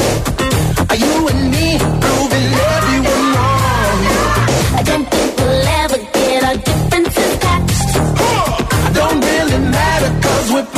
perfectly matched. I take two steps forward. I'll take two steps back. Uh, we come together Cause opposites attracting, you know it ain't fiction. Just a natural vibe. Uh, we come together Cause opposites attract. two steps forward. Two uh, steps back. We come together Cause opposites attracting, you know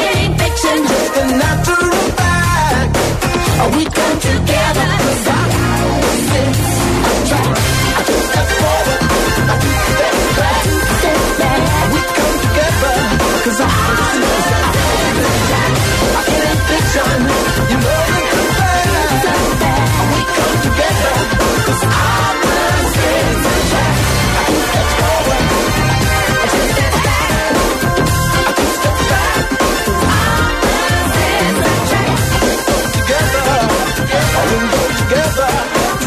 know or not.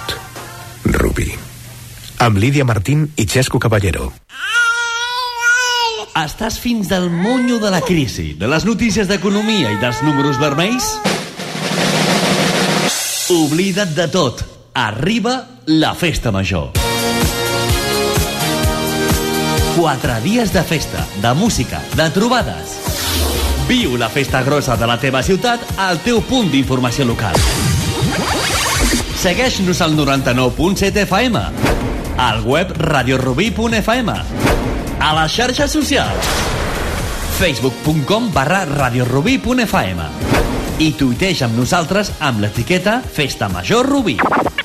I a més a més, estigues ben atent. Busca'ns i aconsegueix sopars, pastissos, viatges i més sorpreses. Juhu! Ens trobaràs dijous de 8 a 10 a la plaça Pere Aguilera, divendres de 7 a 9 a la plaça Doctor Guardiet, dissabte de 7 a 9 a la Rambla del Ferrocarril i diumenge també a la Rambla de 11 a 1 del migdia.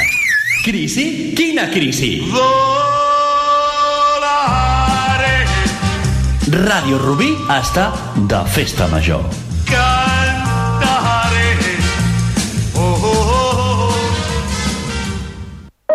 Segueix.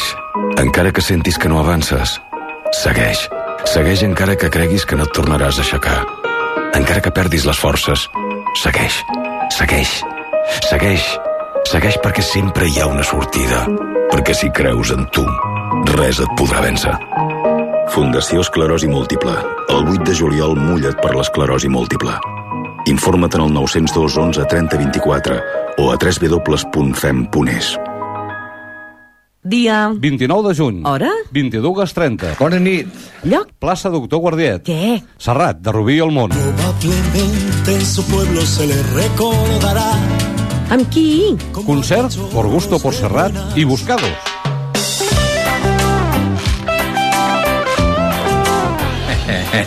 Nota que estan de festa, eh?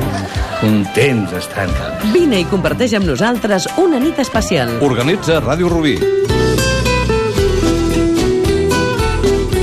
Per Festa Major, també al teu costat. Per molts anys.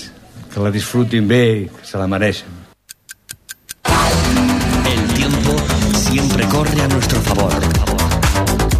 Cada día de 5 a 6 de la tarde, conéctate al magazine musical. MKM. 55 minutos dan para mucho.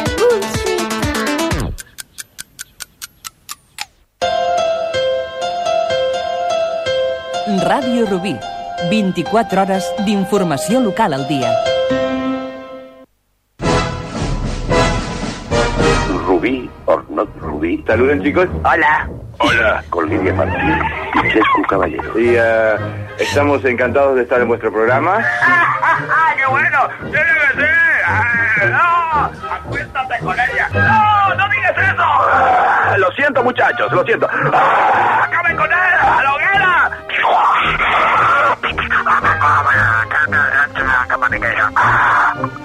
Mm, Venga, vamos. Y, y bueno, ¿qué les puedo decir, chicos? Es, eh, la verdad que estoy feliz, estoy feliz. Mejor no podía estar. ¿Qué estás haciendo? Lo siento, mamá, no voy a volver a comportarme así. Rubí or not Rubí, that's the freaking question. Con Lidia Martín y Chescu Caballero. Realmente es una proposición eh, alucinante. ¡Definir la voz, rápido! ¡Vamos! Se nos va, se nos va. Ah, lo tenemos, lo tenemos. Lo tenemos, menos mal. Eh, Está, está que te cagas el programa. ¿Cómo hacéis? ¿Cómo hacéis?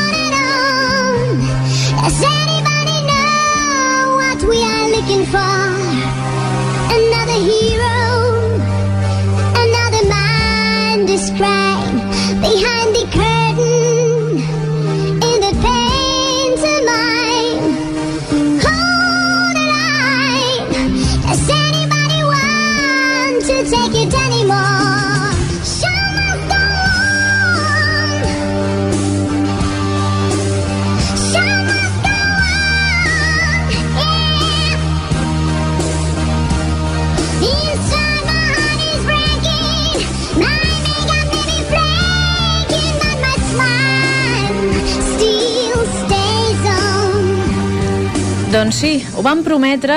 Bueno, de fet ho va prometre el Rubén, perquè aquí eh, jo no prometo res, que després està tot gravat, eh? El dijous a partir de la una del migdia nosaltres des de fa un mes no... No sabem què passa. Aquí és sorpresa. Estem Un com fora. A partir de la una, un quart de dues, una cosa així. Avui que és l'últim programa del Rubí o no Rubí, D'aquesta d'aquesta temporada, eh? sí, clar, Que ahir vam Que quedi signar. clar, que quedi clar. que quedi clar... Hola, Rubén, hola, Rubén. Que Hola, no Rubén. tal, com estem? Estem a la Ja, nostra. ja anem parlant i ja, ja és com el Xavi de Melo, ja va parlant sol, també. I aquí ja traurem aquí el pica-pica i ja... Això ho farem en directe també, aquí, mentre estiguem Clar que sí, xerrant. home, aquí amb beguda, amb olivetes, amb tot preparat aquí. I jo per què m'he portat el bocata? És que no me'n recordo de les coses, m'estic fent gran. Doncs porta el bocata. El, El riego, el riego. Tallarem a trossos. El tallem a trossos, vale, com la coca de l'altre dia, eh? Clar, anem Sí. fent trossets, ben picant. Quin èxit, eh? Aquella foto de la coca, mare meva, eh? Al Facebook, sí. Quin subidon de, de coca. De llardons. De llardons. Home, Rubén, sisplau. Subidón de llardón. Ojo, ojo, que no s'entienda. Molt, molt bona la coca, eh? Sí, de estava llardons, bona, sí. estava molt bé, la És veritat. que allà hi ha qualitat, home. Gràcies, Con Conchi. Gràcies, Conchi. Conchi, que ya, se- ya será, yo creo que, que debe de venir. O sea, tiene que venir. Conchi tiene que venir aquí al Rubí or no et Rubí, no? Ja està fet la, la crida i l'estàs Clar que fent. sí. Ja és... Ja és un símbol, ja. després Conchi, de- ven. Conchi, ven. El crit que et fem. Ui, com sona això? Jo l'altre, eh? No ho sé. Està entre metalero, això, ara, no? Sí, vols dir? Ah, només li falta l'Alvin aquest, treure los cuernos en los dedos. Ah, per arriba! Sí, sí, podria estar molt bé, això, eh? Eh, bé, Bueno, Rubén, tu ets el responsable de tot el que passi a partir d'ara i fins les dues. Doncs avui doncs us porto diverses coses. Evidentment aquí estem acompanyats. Lídia, com pots veure, Molt acompanyats, sí. perquè estem molt ben acompanyats amb el Jesús Sobrino. Hola, Jesús. Hola, ¿qué tal? Com estamos? Perfecto. Terapeuta, ha portat els seus ingredients que el fan fer millor persona y este saborío que tiene de persona y este arte, con su tarot y su péndulo. ¿Cómo? Que ara ho explicarà, suposo. Ui, ara, ara sí, bueno, no, no, ho sabia perquè ho posava a l'escaleta, no? Però ja em faig la sorpresa. Tarot. La verdad tarot. es que después de la conversación que tuve contigo a nivel Sí. telefónico, te puedo asegurar una cosa, no oía muy bien. Eh, O sea A ver, no, no os estoy echando para nada No, culpa, no me entendías pero- lo que te decía. No, no, entendía algo, pero el trasfondo de las cosas no lo entendía bien, porque Mm. no había tampoco buena cobertura. Y entonces luego, pues cuando me estuve escuchando, dije, ay, vaya, pues aquí... Se tengo que venir porque- detalles que han quedado. Había como un, unes agues, no? I també ha vingut el Jordi Ruiz, que el tinc aquí a la meva dreta, Què tal, Jordi? i ell és DJ i col·leccionista de pues, de Ostres. pues de guitarra. Ojo, Bueno, ojo, eh? no d'erizo. Molt bé. I, I sí, sí, vull dir, ens explicaran diverses coses, no? Varias, bueno, tot això, tots aquests aficions i tal que tenen. I, bueno, Jesús, per exemple, ens pot parlar, ens podria parlar ara ja perfectament de, del tema del, del tarot i tot això, com, com tu lo, lo, ¿Qué, ¿Qué opinas tú sobre, sobre los tarotistas que hay y tú como afición, pues cómo, cómo lo tienes, para qué lo haces servir un poquito para que también la gente lo, lo sepa, ¿no? ¿Qué es para ti el tarot? Sí, a ver cómo te puedo contestar, ¿no? Pienso que puede tener varias interpretaciones. Eh, a cada persona pues puede tener um, un significado de, de algo. No significa que lo que te gusta a ti no me guste a mí, o viceversa. Ajá. Lo que significa que el tarot realmente no tiene un, un sentido único, sino que tiene varias interpretaciones. De hecho, es un sistema de clarividencia, pero se data eh, desde los años 4000, ¿eh? incluso 2000 antes de Cristo, que ya existían estas cartas. Y toda la sabiduría que se ha recogido del tarot eh, se basa en el antiguo Egipto. ¿Mm? Ajá. Entonces, realmente los egipcios no lo tenían como un método de, adivine- de adivinación, ¿no? Sino más bien como un método de concentración, curiosamente de desbloqueo, entre comillas, ¿eh? porque estoy acordándome ahora, pues bueno... El de- desbloqueo nos sigue, eh, ¿eh? el desbloqueo está ahí, ¿no? Porque Lo teníamos con la correa ahí. eh, así, así es. Y bueno, y seguro todo pues después de esta noche tan mágica, ¿no? De, de San Juan, ¿no? El de San Juan que ha pasado el 23 de junio, pienso que nos hemos desbloqueado todos, yo, yo creo, ¿no? Entre pues la y el buen rollo. Eh, a ver cómo te podría explicar. Realmente los egipcios utilizaban este tarot para desbloquearse, eh, para llegar a unos conocimientos que están en otro nivel de conciencia, pero que realmente sean innatos en nosotros. Cada arquetipo del tarot representa una virtud y una cualidad que está en nosotros. Pero los antiguos, eh, bueno, lo interpretaban de una manera como más en sánscrito, como más eh, simbólica y con imágenes pues que a lo mejor pueden parecer un poco raras, ¿no? Pero era una forma de llegar al inconsciente. De hecho, si hay un libro que a mí me encantó cuando lo leí, me fascinó por completo, porque no trata del tarot como un sistema de adivinación, sino como un sistema de autoconocimiento interior, ¿eh? de introspección en el mismo ser de la persona, desde su subconsciente, el inconsciente, desde esos espacios que están ahí, que eh, van con nosotros, pero bueno, que por la vida diaria prácticamente no podemos tomar conciencia de todo lo que ocurre, ¿no? Entonces, Jung hablaba de él eh, como un gran arquetipo de toda la humanidad donde están todos nuestros valores registrados, todas nuestras virtudes, eh, nuestras cuestiones personales, y realmente podemos llegar a esa autoterapia y a ese conocimiento interior. ¿Y tú, Jesús, a ese trabajo lleva- desde llevas la- las cartas siempre encima? O... Eh, bueno, yo llevo la mochila siempre encima, lo que haya. O sea, tú vas por, tú vas Sí, por la. Renfe, que has venido con Renfe, ¿no? Gran- Sí. gran- grandes Sí, pa- sí, grandes sí. pausas, ¿no? Sí, por Grandes supuesto. pausas para hacer tarot a la gente, me imagino. Claro, ¿no? claro. Sí, ¿Aprovechas los viajes para eso o no? Aprovecho los... vi- ¿Para qué te refieres? Para el, el ¿Cómo tema te del... Rubén tirar el tarot a la gente? No, no, realmente no basta ahí. Eh, los viajes los aprovecho porque soy una persona muy observadora y para mí todo viaje en Renfe es un gran viaje. Porque nunca sabes lo que te puedes Està encontrar. haciendo una falca imp improvisada, la falca improvisada l'està fent ell, eh, avui. ¿Cómo has dicho? ¿Cómo has dicho? Sí, esto es- me imagino que después de, de tanta incertidumbre, ¿no? De la otra conversación con el desbloqueo y todo esto, pues bueno, a lo mejor hay algo que se me ha quedado ahí. Claro. ¿Y, el, ¿Y el tema del péndulo? ¿Cómo va? ¿Esto, esto qué, qué Bueno, es? el péndulo eh, realmente no tiene tampoco, eh, a ver, eh, no sé, es que claro, la gente lo ve como una cosa muy brujeril, ¿no? Muy rara y, y realmente no, no, no tiene esas connotaciones. No tiene ese mal significado. Ya te digo que todo es según la malinterpretación de las personas o la interpretación como a uno le llegue, ¿no? Claro. Y Realmente los zauríes, eh, que eran personas campesinas, campestres, rurales, pues para encontrar el agua, ¿eh? para hacer los pozos, por decirlo de alguna forma, y hacer excavaciones, se basaban en dos varillas, que son unas varillas muy finas. De alguna manera, esas dos varillas, cogidas con la mano izquierda y la derecha, pues eh, utilizadas de una manera, ¿eh? con unas técnicas que se trabajaba, que los antiguos zauríes lo sabían porque venía prácticamente de, padres a hijos, pues podían llegar a, captar esas ondas a nivel telúrico, que bueno, que la- se sabe perfectamente que la electricidad proviene del agua, ¿no? Entonces el agua tiene toda su carga electromagnética. Y esas varillas, de algún modo, pues captaban y vibraban. Donde había un punto, un foco importante de, de poder haber una excavación y había agua, vibraban. Entonces ahí hacían... Los llevas, ¿no? Lo llevas el tarot y el Eh, aquí, bueno, las hoy. varillas son tan grandes que no las llevo, pero...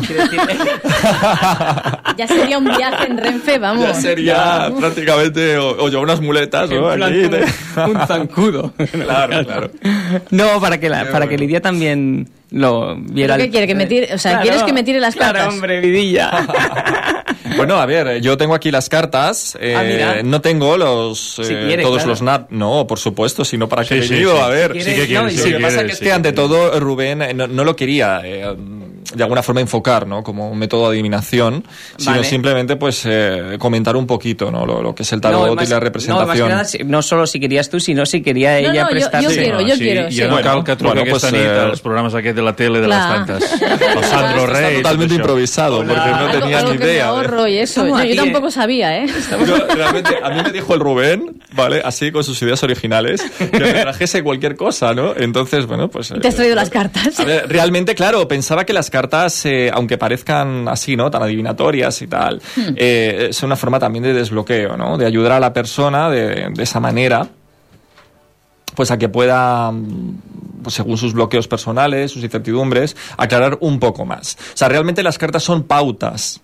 Te están eh, diciendo qué caminos puedes elegir, qué pasa por tu vida. Pero nunca te van a decir, esto va a ser así, asá, Claro. porque entonces ya tratarían de influir sobre ti. Ajá. Y yo, por mi manera, por mi filosofía eh, de vida, no quiero que nada influya sobre mí. Una cosa es que pueda escuchar, que pueda coger una revista y de pronto decir, pues, mira, el- el- el- los astros estos, ¿no? La astrología, y mirar mi signo astrológico, y digo, bueno, vale, pues pueden haber coincidencias, ¿no? Pero de ahí, ¿yo qué quieres que te diga? Que me toque la lotería, ¿no? O el gran amor de tu vida. Pues a ver, realmente creo que es más bien marketing, ¿no? Como enfocan todo este mundo divinatorio. Entonces, para mí es, es algo muy personal, pero bueno, eh, podemos hacer una tirada, no tendría ningún tipo de inconveniente. Lo que no quiero, desde luego, es alargarme demasiado con. Eh, no, no. Una breve, una... No? Sí, sí, no, ja no, no cal discutir més. Fem-ho. ja està. Oh, no, por favor, estamos una, en tertulia. una bàsica, la premium un altre dia, però la bàsica... Claro, Claro que sí, sí, sí. sí. sí. Vale. Bueno, pues Lidia. ¿Qué tengo que hacer? eh, A ver. Para que veas que están aquí, Sí. eh, que no es imaginación, Ah. no es nada ficticio. Nos está grabando. Esto no es como el Blade. Es. Está grabando las imágenes. Puedes enseñárselas a la Sí, sí, cámara. mira, ahí tienes la cámara. Eh, bueno, por ahora, eh, eh, estimado público, La estoy, cámara estoy barajeando las cartas. Cámara 4. Impregnándolas de energía, porque es importante impregnarlas con una energía positiva, ¿no? De- Y si la energía que tengo yo es negativa, ¿qué pasa con las cartas? Ah, ella te las absorbe, tú no te- ella te bloquean, tú no te preocupes. Desbloquea, es la palabra, decíamos Si no, antes. eh, para el próximo San Juan la renovamos de una manera. Uy, pero un año Bueno, entero pues- tengo que esperar, madre mía. Vamos a ver. eh, este es el tarot. Sí, A la izquierda, más a la izquierda. Ahí. Sí, porque no, no se ve todo, ¿eh? Eh, tenemos aquí en la cámara, pero no. Este momento. Este momento. Bueno, este tarot es, eh, la verdad es que tal y como se ve. Ahora, un poco Iker. Sí, qué fuerte. Jesús está enseñando las cartas a la cámara, pequeña La cámara que hemos me- instalado. Me, habéis pillado, como se dice, con la corbata sin llevarla del cuello. Bueno, eh, como veis, los naipes están representados en todo lo que es la simbología egipcia. Mm. Hay otros tarots, eh, el más conocido y el más utilizado por los neovidentes, ¿no? neoclarividentes y neotarotistas, es el tarot de Marsella, eh, que incluso pues lo puedes eh, coger prácticamente en cualquier tipo de, de revista, ¿no? porque las tienes ahí. Bueno, pues este es el egipcio y está basado en todo lo que es la cultura egipcia. Por ejemplo, la carta del mago, ¿no? que a mí me fascina esta carta por todo su simbolismo que lleva aquí. Eh, trata pues, eh, de equilibrar las energías, como se ven. ¿no? Hay cuatro elementos, cuatro instrumentos, que serían los cuatro elementos. Hmm. Entonces, digamos que el mago tiene esa capacidad de poder transformar, ¿no? de poder llevar esos elementos en marcha y produce cambios. Así es. La cosa es mucho más a ver, va más allá, pero bueno, pues domina su agua, su tierra, su fuego, su aire. Desde siempre los elementos eh, tienen que ver con, con las eh, virtudes de cada persona, con los valores. El agua, por ejemplo, representa los sentimientos, representa las emociones. Lo que es en los arcanos eh, menores son las copas. Las copas representan las emociones, representa el amor. El as de copas, precisamente, es una muy buena carta para el tema del amor, pero también puede estar hablando de una persona muy sensible o con unos proyectos a nivel eh, artístico. Ya estoy intrigado a ver Yo estoy saldrá. esperando ya, ¿eh? ¿Cuál te saldrá, eh? Bueno, a ver. eh, dejo un poco la charla y, y vamos al grano, como todo. Porque el grano si no se muele, pues como que no. no lo pruebas. Otro día ya, vamos, te invitamos una hora entera aquí. Oye, ¿qué- ¿y ahora qué? ¿Tengo que cortar? ¿Tengo que barajar? ¿Qué es lo que tengo que hacer? Tienes, eh, bueno, coges las cartas Sí. tranquilamente. Te concentras. Si quieres eh, hacerme la pregunta, no tiene que ser una pregunta salud, dinero o amor, ¿vale? Porque ya hemos pasado el San Juan y creo Vale. que eso ya ha habido demasiado. Pero algo que a ti te. ¿Sabes qué- qué pregunto algo que tú entonces? realmente necesites, ¿sabes? Algo que esté ahí dentro que, de ti y, y que le has estado dando vueltas. eh, que tenga un valor como un trasfondo más. Esto se avisa, Rubén, porque ahora voy a estar aquí cinco Te puedo, minutos te pensando. puedo decir que Rubén me dijo, tráete las cartas, pero yo me pensaba que era en plan, pues bueno, pues de hablar No, de las hombre, cartas a claro. nivel de desbloqueo, ¿no? Porque de eso se puede hablar también bastante, pero tanto como que me probara aquí. le- le- Vamos, que ni Eso salud. puede, eso Es puede que- provocar la risoterapia como efecto rebote. Bueno, ¿no? todo, todo irá llegando, todo irá llegando en su tiempo. Hoy no tendremos tiempo Ya de tantas sé, cosas, ya ¿eh? sé, ya, pero- te dije el otro día que te ibas a, independizar muy pronto de aquí. A lo Uy, mejor no, vas a acabar no. haciendo tu programa solo. Yo ya ¿eh? estoy muy bien Pues, aquí. La verdad es que Créeme. tengo un piso preparado para él, a ver si ya... esto, esto, has cortado aquí la antena porque esto... No, no, no, no, aquí todo sale, ¿eh? Todo sale. Fíjate si sale, que tengo que hacer una pregunta. Todo, que no todo sé tiene qué- que salir, Este lo bueno y lo malo. la Renfe y... Ya ha pillado ya un viaje Que han repartido por ahí, ¿no? y no, i no tenia con chispa. Bé, eh, Bé, ja t'hem donat temps perquè et penses... no, porque sigo hablando, no me Clar. dejáis. No sé. Eh, Venga. Ni salud, ni Bueno. dinero, ni amor. Yo creo que no, porque ¿Tú entonces sería enfocarlo a nivel de clarividencia. Tiene que ser, eh, bueno, a nivel de clarividencia, a nivel de lo cotidiano. Después a las dos O como las antiguas gitanas, ¿no? Que te miraban la mano y te decían, a ver, a ver, eh, hijo mío, hijo mío, eh, tienes aquí eh, eh, este problema, tienes, va- vas a tener este accidente, no sé qué, no tienes... A ver, no. Es una cosa como más, O sea, tiene que ser trabajo. más transpersonal. ¿No? Trabajo. Podemos preguntar algo Ara miro a Xesco perquè, claro, és com... Sí, pero es cosa teva, ¿eh? És cosa No me mires. Ah, pa, sube, sube un poco. ¿A dónde? Ay, la es que esta música es alucinante. Se me ponen los, los pelos como escarpias. ¿Como púas? sí, sí, y púas. como púas, Ahora como púas. Empezamos ya con la... con la- Las cartas están hablando. Buf. No, es que es alucinante. A mí me encanta Queen, ¿no? Freddie Mercury para mí ha sido mi gran ídolo. ¿eh? A nivel de rock y... Te voy a matar, Rubén. Eh, Estoy muerto. Estoy muerto directamente. Va lanzando púas, ¿eh? La semana que viene no hace falta que vengas, Rubén. la semana que viene no estaremos, ¿eh? O sea que- Sacaré una foto y rip. Pero bueno. bueno, eh, entonces, tengo que preguntar algo de trabajo, deduzco, Bueno, ¿no? lo que, tú, lo que tú sientas que tienes que preguntar. Lo que yo te quiero decir es, ah, pues mírame la salud, si voy a estar bien, si no voy a tener ninguna enfermedad. A ver, no una cosa que nos lleve más al, al tema del ego, ¿no? En, en el otro programa creo que intenté también explicar un poco lo que es el tema del ego y el tema de la conciencia, ¿no? Entonces tiene que ser pues algo que realmente para ti sea significativo y tú pues eh, lo quieras plasmar ahí y bueno, pues quieras una aportación, ¿no? Según la interpretación que yo le dé las cartas o lo que las cartas me quieran transmitir. Que difícil. No, no ho tinc, tinc. Bé, eh, pregunto pel, per, pel programa. Hombre. Sí. Bueno, fa estona que ho estava pensant. dic, l'Alvin, eh? Però... Sí, sí. Doncs ara, ara què he de fer? Eh, Tienes que barajar las cartas, ¿vale? Importante no cruces las piernas. Vale, sí. Ya la falda. ¿Y esto, esto por qué? Bueno, eh, digamos que el tema de cruzar las piernas es a nivel de terapia, de terapia Sí. también, incluso los hipnotistas también cuando hacen Claro, hipnosis, ¿no? Pues es, no, es una forma de bloqueo, de bloquear la energía. Entonces la persona pues también un poco. ¿no? también, Hay que abrirse, también, de abrir- cerrarse abrirse como al mundo, digamos, ¿no? Ajá. Tú Ajá. estás pensando en otra cosa. Ábrete de oídos. Ábrete de oídos. No, no, yo no tengo las cartas, no puedo opinar. Vale. Importante, Lidia, que con la mano izquierda, la mano del corazón, Sí. es la mano receptiva también, pues que cortes eh, de un lado para otro como yendo al futuro. Vale. Qué misterio con esta música. Vamos, vamos. A ver lo que Ta, Es que no quería preguntar sobre fútbol. ¿eh? bueno, pero ¿qué es lo que has preguntado realmente? ¿Fútbol? Yo- ¿Cómo, va- ¿Cómo irá el programa? bueno, bueno, Sí, sí, pues sí. nada. Futuro del Ruby or not Ruby. El futuro del Ruby. Oye, por el nombre se las trae, ¿eh? El- Eso es culpa el de él, Ruby ¿eh? es algo... uf. ¿De quién? A ver, vamos a ver. Bueno, yo lo que noto es eh, que hay un gran cambio. ¿eh? Eh, Realmente has preguntado más por ti que por todo el programa, te voy a decir, porque creo que lo que tú me has preguntado es, da, más contigo que con todo lo que hay aquí en el programa. Evidentemente eres un instrumento más, muy mm, del gran eslabón, ¿no? De la cadena, que sois todos, pero creo que lo que tú has preguntado es algo que está más, como que te afecta más a ti y estás más sensible en este, en este aspecto. Creo que estás en tu mejor momento. Tu mejor momento, eh, transparente, de grandes cambios. Hay algo, hay un proyecto, no sé si ya está este proyecto en medio em, de aquí o, o está al, al punto al caer, es algo que tú estabas esperando, para tomar esa iniciativa y para sobre todo creer más en ti misma ¿m?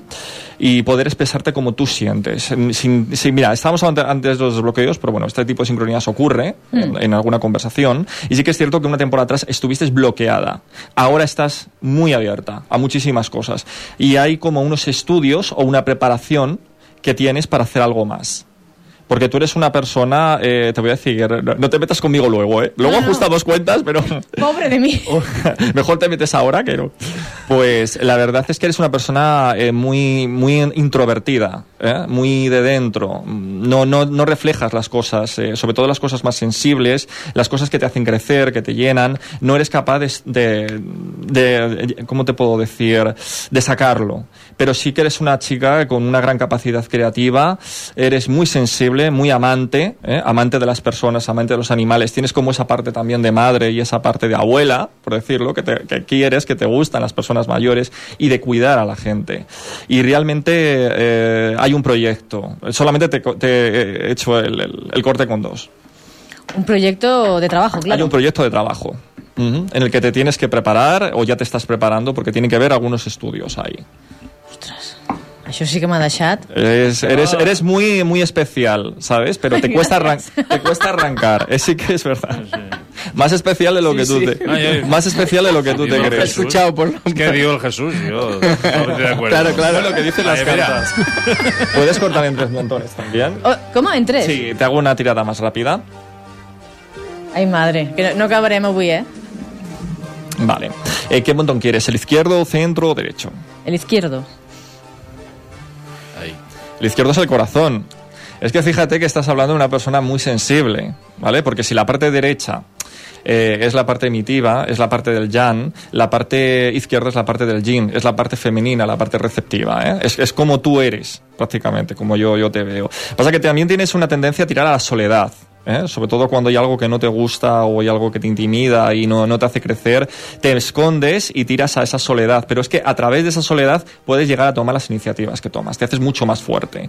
Por eso eres una persona amistosa, por decirlo, pero ojo con que te hagan algo que no, que no te guste o con las engaños, las mentiras, etcétera, porque la lo pagas. ¿eh? No, no os conocíais, Lo ¿no? haces, lo haces pagar. No os habéis visto nunca, ¿no? En mi vida, en mi vida. Pues parece te que puedo asegurar parece que tengas una cámara en su casa. ¿Qué digo yo? En No, su no, casa? te puedo, No, te puedo asegurar que, que no vamos, tampoco la vi mucho en aquella conversación. Hice muchísimo esfuerzo. Vamos a ver.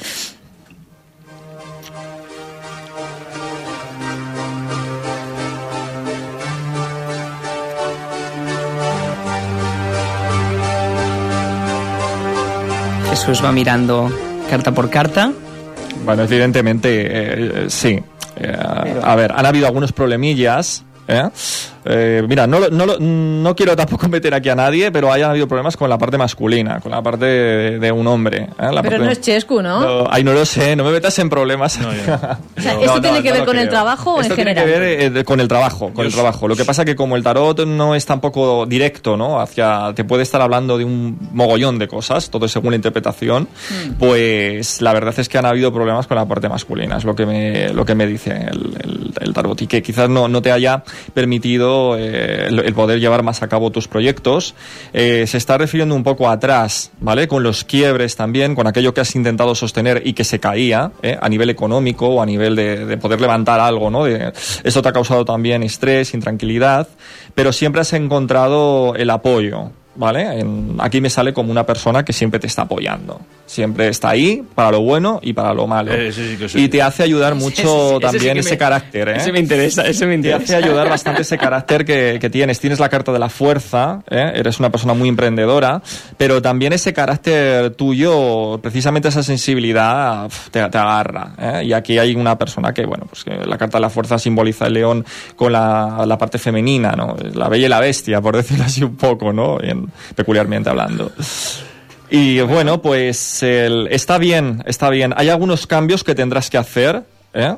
Algún pequeño sacrificio, porque te están hablando las cartas eh, que han habido un parón también o que ha podido haber un bloqueo, pero esto saldrá.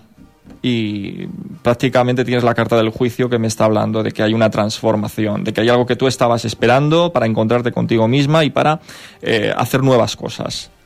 Bueno, Te viene, te viene desde... Ens quedem amb la Es como que todo lo malo, de la ¿sabes? transformació. Sí, además es que es curioso, porque el, el diablo también que está representando la parte del invierno, ¿eh? es el símbolo de Capricornio, de, exaltado por Saturno, pues está hablando de toda esa incertidumbre que has podido tener ¿eh? en, en ese tiempo, entre ese invierno, ¿vale? Es ahora cuando llega este verano, cuando ya de alguna forma se ha depurado, que también ese era el tema de San Juan, pero ya no me quiero estar demasiado porque si no este me va a venir y me va...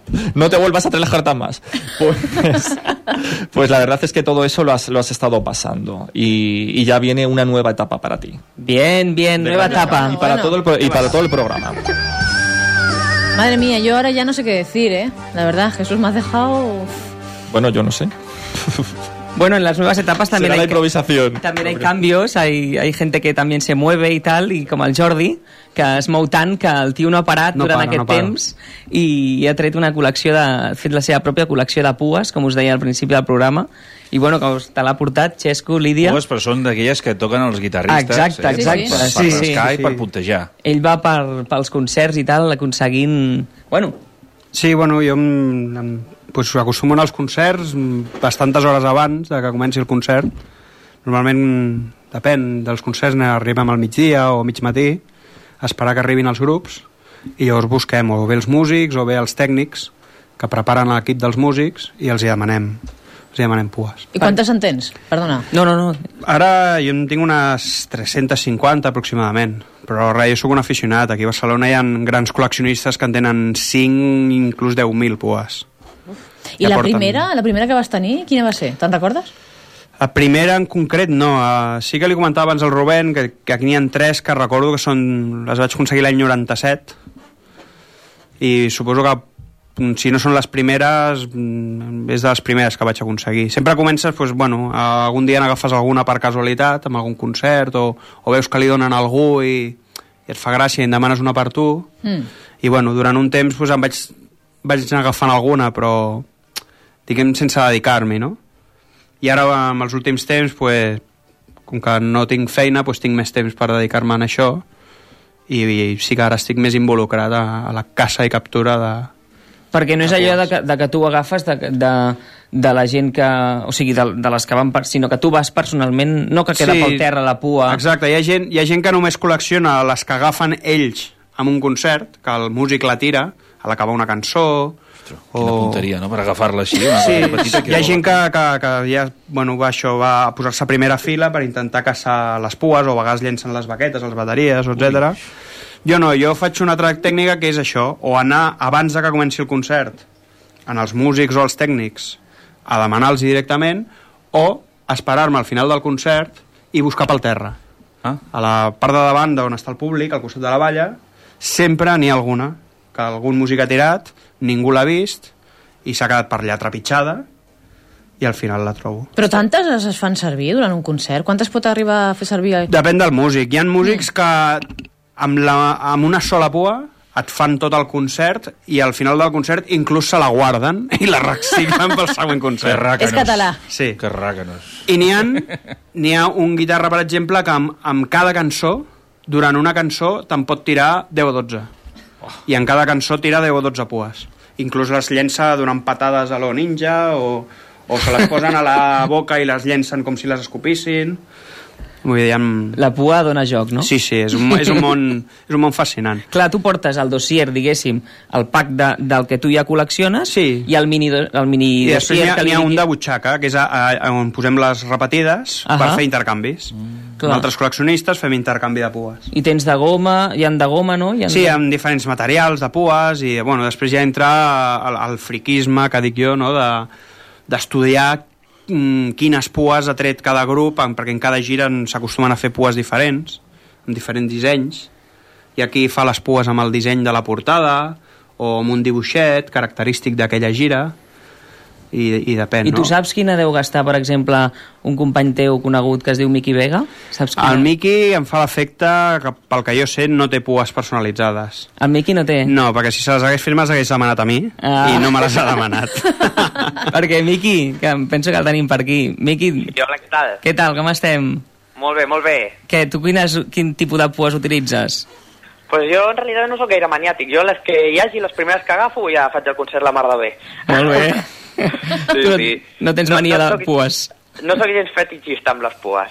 Molt bé, molt bé. Bueno, el Miqui, Lídia, és, Sí. un, és un músic de pop i de rock que està ara mateix al All Star Covers, que és un Sí. grup de, de versions, Mhm. i a part també doncs, està el, amb el grup Tau Pai Pai, si no m'equivoco, fent Sí. rock en castellà. És un tio que no para, amb Ja un veig. estil molt personal, bueno, això és el que opino jo personalment, també, que el vaig veure, vaig tenir l'ocasió de veure'l gratament al casal de Pau Alós de, de Ciutat Vella, i bueno, està una mica també per donar recolzament al que diu el Jordi i amb el tema musical, no? i ens explica també una mica què fa, qui és, i per això ha vingut també. I Miqui, on et podem veure?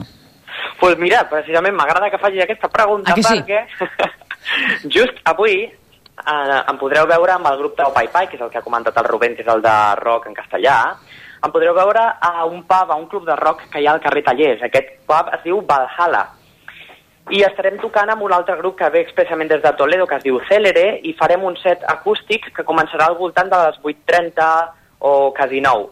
O sigui que a tothom que li agradi el rock en castellà, que li agradi Sober, que li agradi Héroes del Silencio, que li agradi Metallica, tots aquest tipus de grups pot anar a veure'ns al, al Club de Rock Valhalla, al carrer Tallers, eh, avui a les 8.30. I encara demà, eh, deixa un que m'enrotlli, eh? Sí, sí. Tira, tira. I encara demà, si algú no pot venir avui, toquem a un bar musical que es diu Bar Musical Brujas, també amb els Celery. I això està al carrer Mascaró, que perquè no el conegui és per la zona de Maragall. Eh? Uh -huh. O sigui que, si no podeu venir avui, doncs pues demà, també amb els Tau Pai Pai. Molt bé. Doncs, eh, escolta, Miqui, a veure si un dia, la temporada vinent, perquè m'ho ha dit eh, així també Clar, el Rubén, Es que todo último día parece, Claro, ya parecemos parecemos latinos aquí. ya. No, ya petardazo, ya. De fiesta mayor. a veure si vens un, un dia aquí al programa i ens cantes. I tant que sí, estaria encantat, eh? Ja ho volia fer avui, però m'ha estat impossible, però aquesta me la guardeu. Oh, i tant. tant que sí. Imagina't, avui havien de fer tantes coses que no, no tenim gaire temps, eh? I tant, i tant, ja m'imagino. doncs, Miqui, que vagin molt bé aquests concerts i la, els que vinguin. Molt bé, doncs moltes gràcies, eh? A tu, Miqui, que vagi molt bé. Adéu. Gràcies, adéu. I és que avui el Rubén, clar, m'ha fet una escaleta aquí que podria durar el Sí, programa jo m'he emocionat. La veritat és que m'he emocionat. I dic, vinga, Eh, va. va, vinga, vinga, Ja, la sí. línia del Xesco van dient, sí, vinga, va, tu anima't. I jo, clar, em vaig animant, pum, pum, pum, pum, pum. Sí, I eh, aquí, eh, ja... Especial, especial, especial, i no vegis, ja... I ara qui tenim? I ara aquí tenim, doncs tenim el Jaumet Navarro, perquè la veritat és que he volgut també avui contactar amb ell perquè ells Jaumet és el creador i director d'Improcatomba, improcatomba.com, tot sigui dit. Perquè són mm, bueno, una gent que fan improvisacions i que normalment sempre estan aquí a Rubí, al Sant Patrick's. Mm. I dic, Jaumet, digues la teva, perquè avui actuen també al Sant Patrick's i també ha vingut a parlar amb nosaltres. Hola, Jaumet. Hola, com esteu? Què tal? Molt bé, aquí desitjant que comenci ja la festa major. Desitjant, no? Doncs pues avui arrenquem nosaltres amb una especial festa major aquí al Sant Patrick Rubí, a liar-la. A liar-la, molt bé. I com és aquest especial? Què fareu? Eh, eh, com, bé, com bé han dit, eh, venim molt aquí al Sant Patrick Rubí, anem a molts locals? Tra eh, treballem a molts locals a Catalunya, però un dels locals que anem quasi sempre és el de Sant Patrick Rubí, que quasi sempre té monologuistes i nosaltres som l'alternativa, no? que, som, so, so, que som improvisadors. Uh -huh. Diguéssim que els espectacles que fem són, són 100% interactius i la gent de decideix què és el que vol veure, no? Com un espectacle a la carta, no? La gent ens proposa frases i amb les frases fem, fem, fem històries, no? I avui farem un especial, farem alguna que no té res a veure amb el que fem habitualment, no? Perquè habitualment us baseu amb el, ci amb el cinema, no? He vist? Amb el cinema, exacte, amb el gènere cinematogràfic, la gent escolleix cinemes, no? Eh, escolleix, escolleix gè- gènere cinematogràfic i amb això fem històries, i avui els hi portem tot, eh, jocs totalment diferents, jocs que no han vist mai, i no, algo, algo xulo, no? En, en comptes de improvisadors com sempre, anirem tres, i bueno, liarem una mica el pollo, no?, que és del que es tracta, no?, ja que és festa major. Muy bien. Muy bien, aliat el pollo. Molt bé, molt bé. I a banda del Sant Patrick, on aneu també? Bueno, hem estat a molts puestos, actuem a moltes sales, però bàsicament ara, ara acabem d'arribar de, de la Rioja, que l'any passat vam guanyar un premi de públic a un festival de teatre, i ens han tornat a convidar. Bé, hem estat aquest any a Itàlia, que hem guanyat el Campionat del Món d'improvisació, Molt o bé. sigui que realment ens, ens belluguem moltíssim, no? I el que ens agrada és conèixer la nostra, o sigui, ensenyar la nostra feina, conèixer gent. La improvisació és un món una mica tancat, no? Però es fa tot el món, no? I estem tots connectats. Totes les companyies d'improvisació estem connectats i és molt xulo perquè es fan trobades, es fan campionats i és una cosa molt guapa. Clar, imagino que deu ser la base teatral, no? De- D'aquí és on parteix tot, no? De- On després es creen muntatges i, i altres coses, no? Des de la improvisació. Aquí està, no? Però sí, com tu bé dius, és, és, una, és una ramificació més del teatre, no? No té res a veure amb el teatre de texta, no? Amb els vodevils que tots coneixem. Teatre d'improvisació, el bo que té és que sempre és diferent. Per l'actor és un repte i pel, pel, per l'espectador també és, és molt xulo perquè sempre és diferent, que cada, cada funció és única, no? Clar. I aquesta és la gràcia. Doncs escolta, Jaumet, espero que vagi molt bé avui al Sant Patrick's, que avui estarem ja de gràcies. festa major, i, i bé, qualsevol cosa, ja saps que aquí tens un espai, avui una mica més reduït, perquè tenim molta gent a l'estudi, però quan vulguis aquí al Rubí o no Rubí, tens eh, els teus minuts, eh? Ostres, doncs moltíssimes gràcies i merci per, per donar-nos veu a, a nosaltres, no? a una companyia que, bueno, que està, que està ja purulant, no? nòmades, que som, som uns nòmades i ens agrada molt quan la gent, quan la gent ens crida no? I, i compta amb nosaltres. Un dia ens hauràs d'explicar això d'Itàlia, eh? Ja t'ho explicaré perquè és Això una queda cosa, pendent, això és una queda cosa pendent. interna de- d'aquí del programa. Ole, vale. Vinga, que vagi molt bé. Molt bé, Jaumet. Un petonat. Vinga, una abraçada ben forta. Adéu. Adéu, adéu, adéu. Escolta, no vegis, eh? És que això és com una marató, eh? És un The Show non-stop. Sí, sí. Fuà. Sembla que tenies algun consell, alguna cosa més i Has, no... has salido del desbloqueo porque con tanta gente yo No, creo... yo me he bloqueado más. Hemos empezado con la risoterapia. ¿Ves? Acerca- acércate un poquito al, al micro, Jesús. No hemos empezado con la risoterapia, digo, que poco a poco... Habrá que reírse ahora solo, ¿no? Queda pendiente Italia, risoterapia, imagínate. Claro. O sea Era que- pendiente otra tirada de, de tarot. Ja està. Bé, doncs escolteu, nois, eh, és una llàstima perquè estem a punt d'acabar, queden dos minuts per acabar el programa, però a partir del setembre, que suposo que, encara que tingui un altre projecte jo, que em surti, És veritat? perquè ara m'he quedat jo aquí amb el dubte aquest, doncs que torneu també aquí al programa per parlar doncs, del que vulgueu i per fer la Ahà. risoteràpia que està pendent, eh? Ajá. Sí, bueno, y de paso, pues bueno, mostrar un poquito también el tema de las terapias, ¿eh? las terapias que yo, por ejemplo, ejerzo, y el tema del canto me gustaría, porque es que, es que, curiosamente, he oído a Miki, Este he oído a Miki, que yo ya le conozco a Miki, pero que si hay alguna posibilidad también de cantar alguna canción, por mi parte, soy Ay, cantante y no me importaría. Uf, ya una, está. Una capela de Show Más Gore en un momento dado. Chesco, tenemos ahora ya, vamos, overbooking de I tu, cantantes. Jordi, ens cantaries alguna cosa, Jordi? No, jo cantar no, no. Jordi, o portaries la guitarra? No, però ell posa discos, no? Jo Doncs porto que- les pues, Ah, vale. toquin els altres. Ja està. I els discos també, no? Eh, clar que sí. També, també, doncs ja posar està. música. Molt bé. cantar no. Perfecte. Doncs moltes gràcies a tothom, eh, per haver vingut aquí. Gracias a ti, Lidia. Sí. I ens veiem al setembre. Nosaltres. Igualment. Jo. Adéu. Adéu, adéu a tots.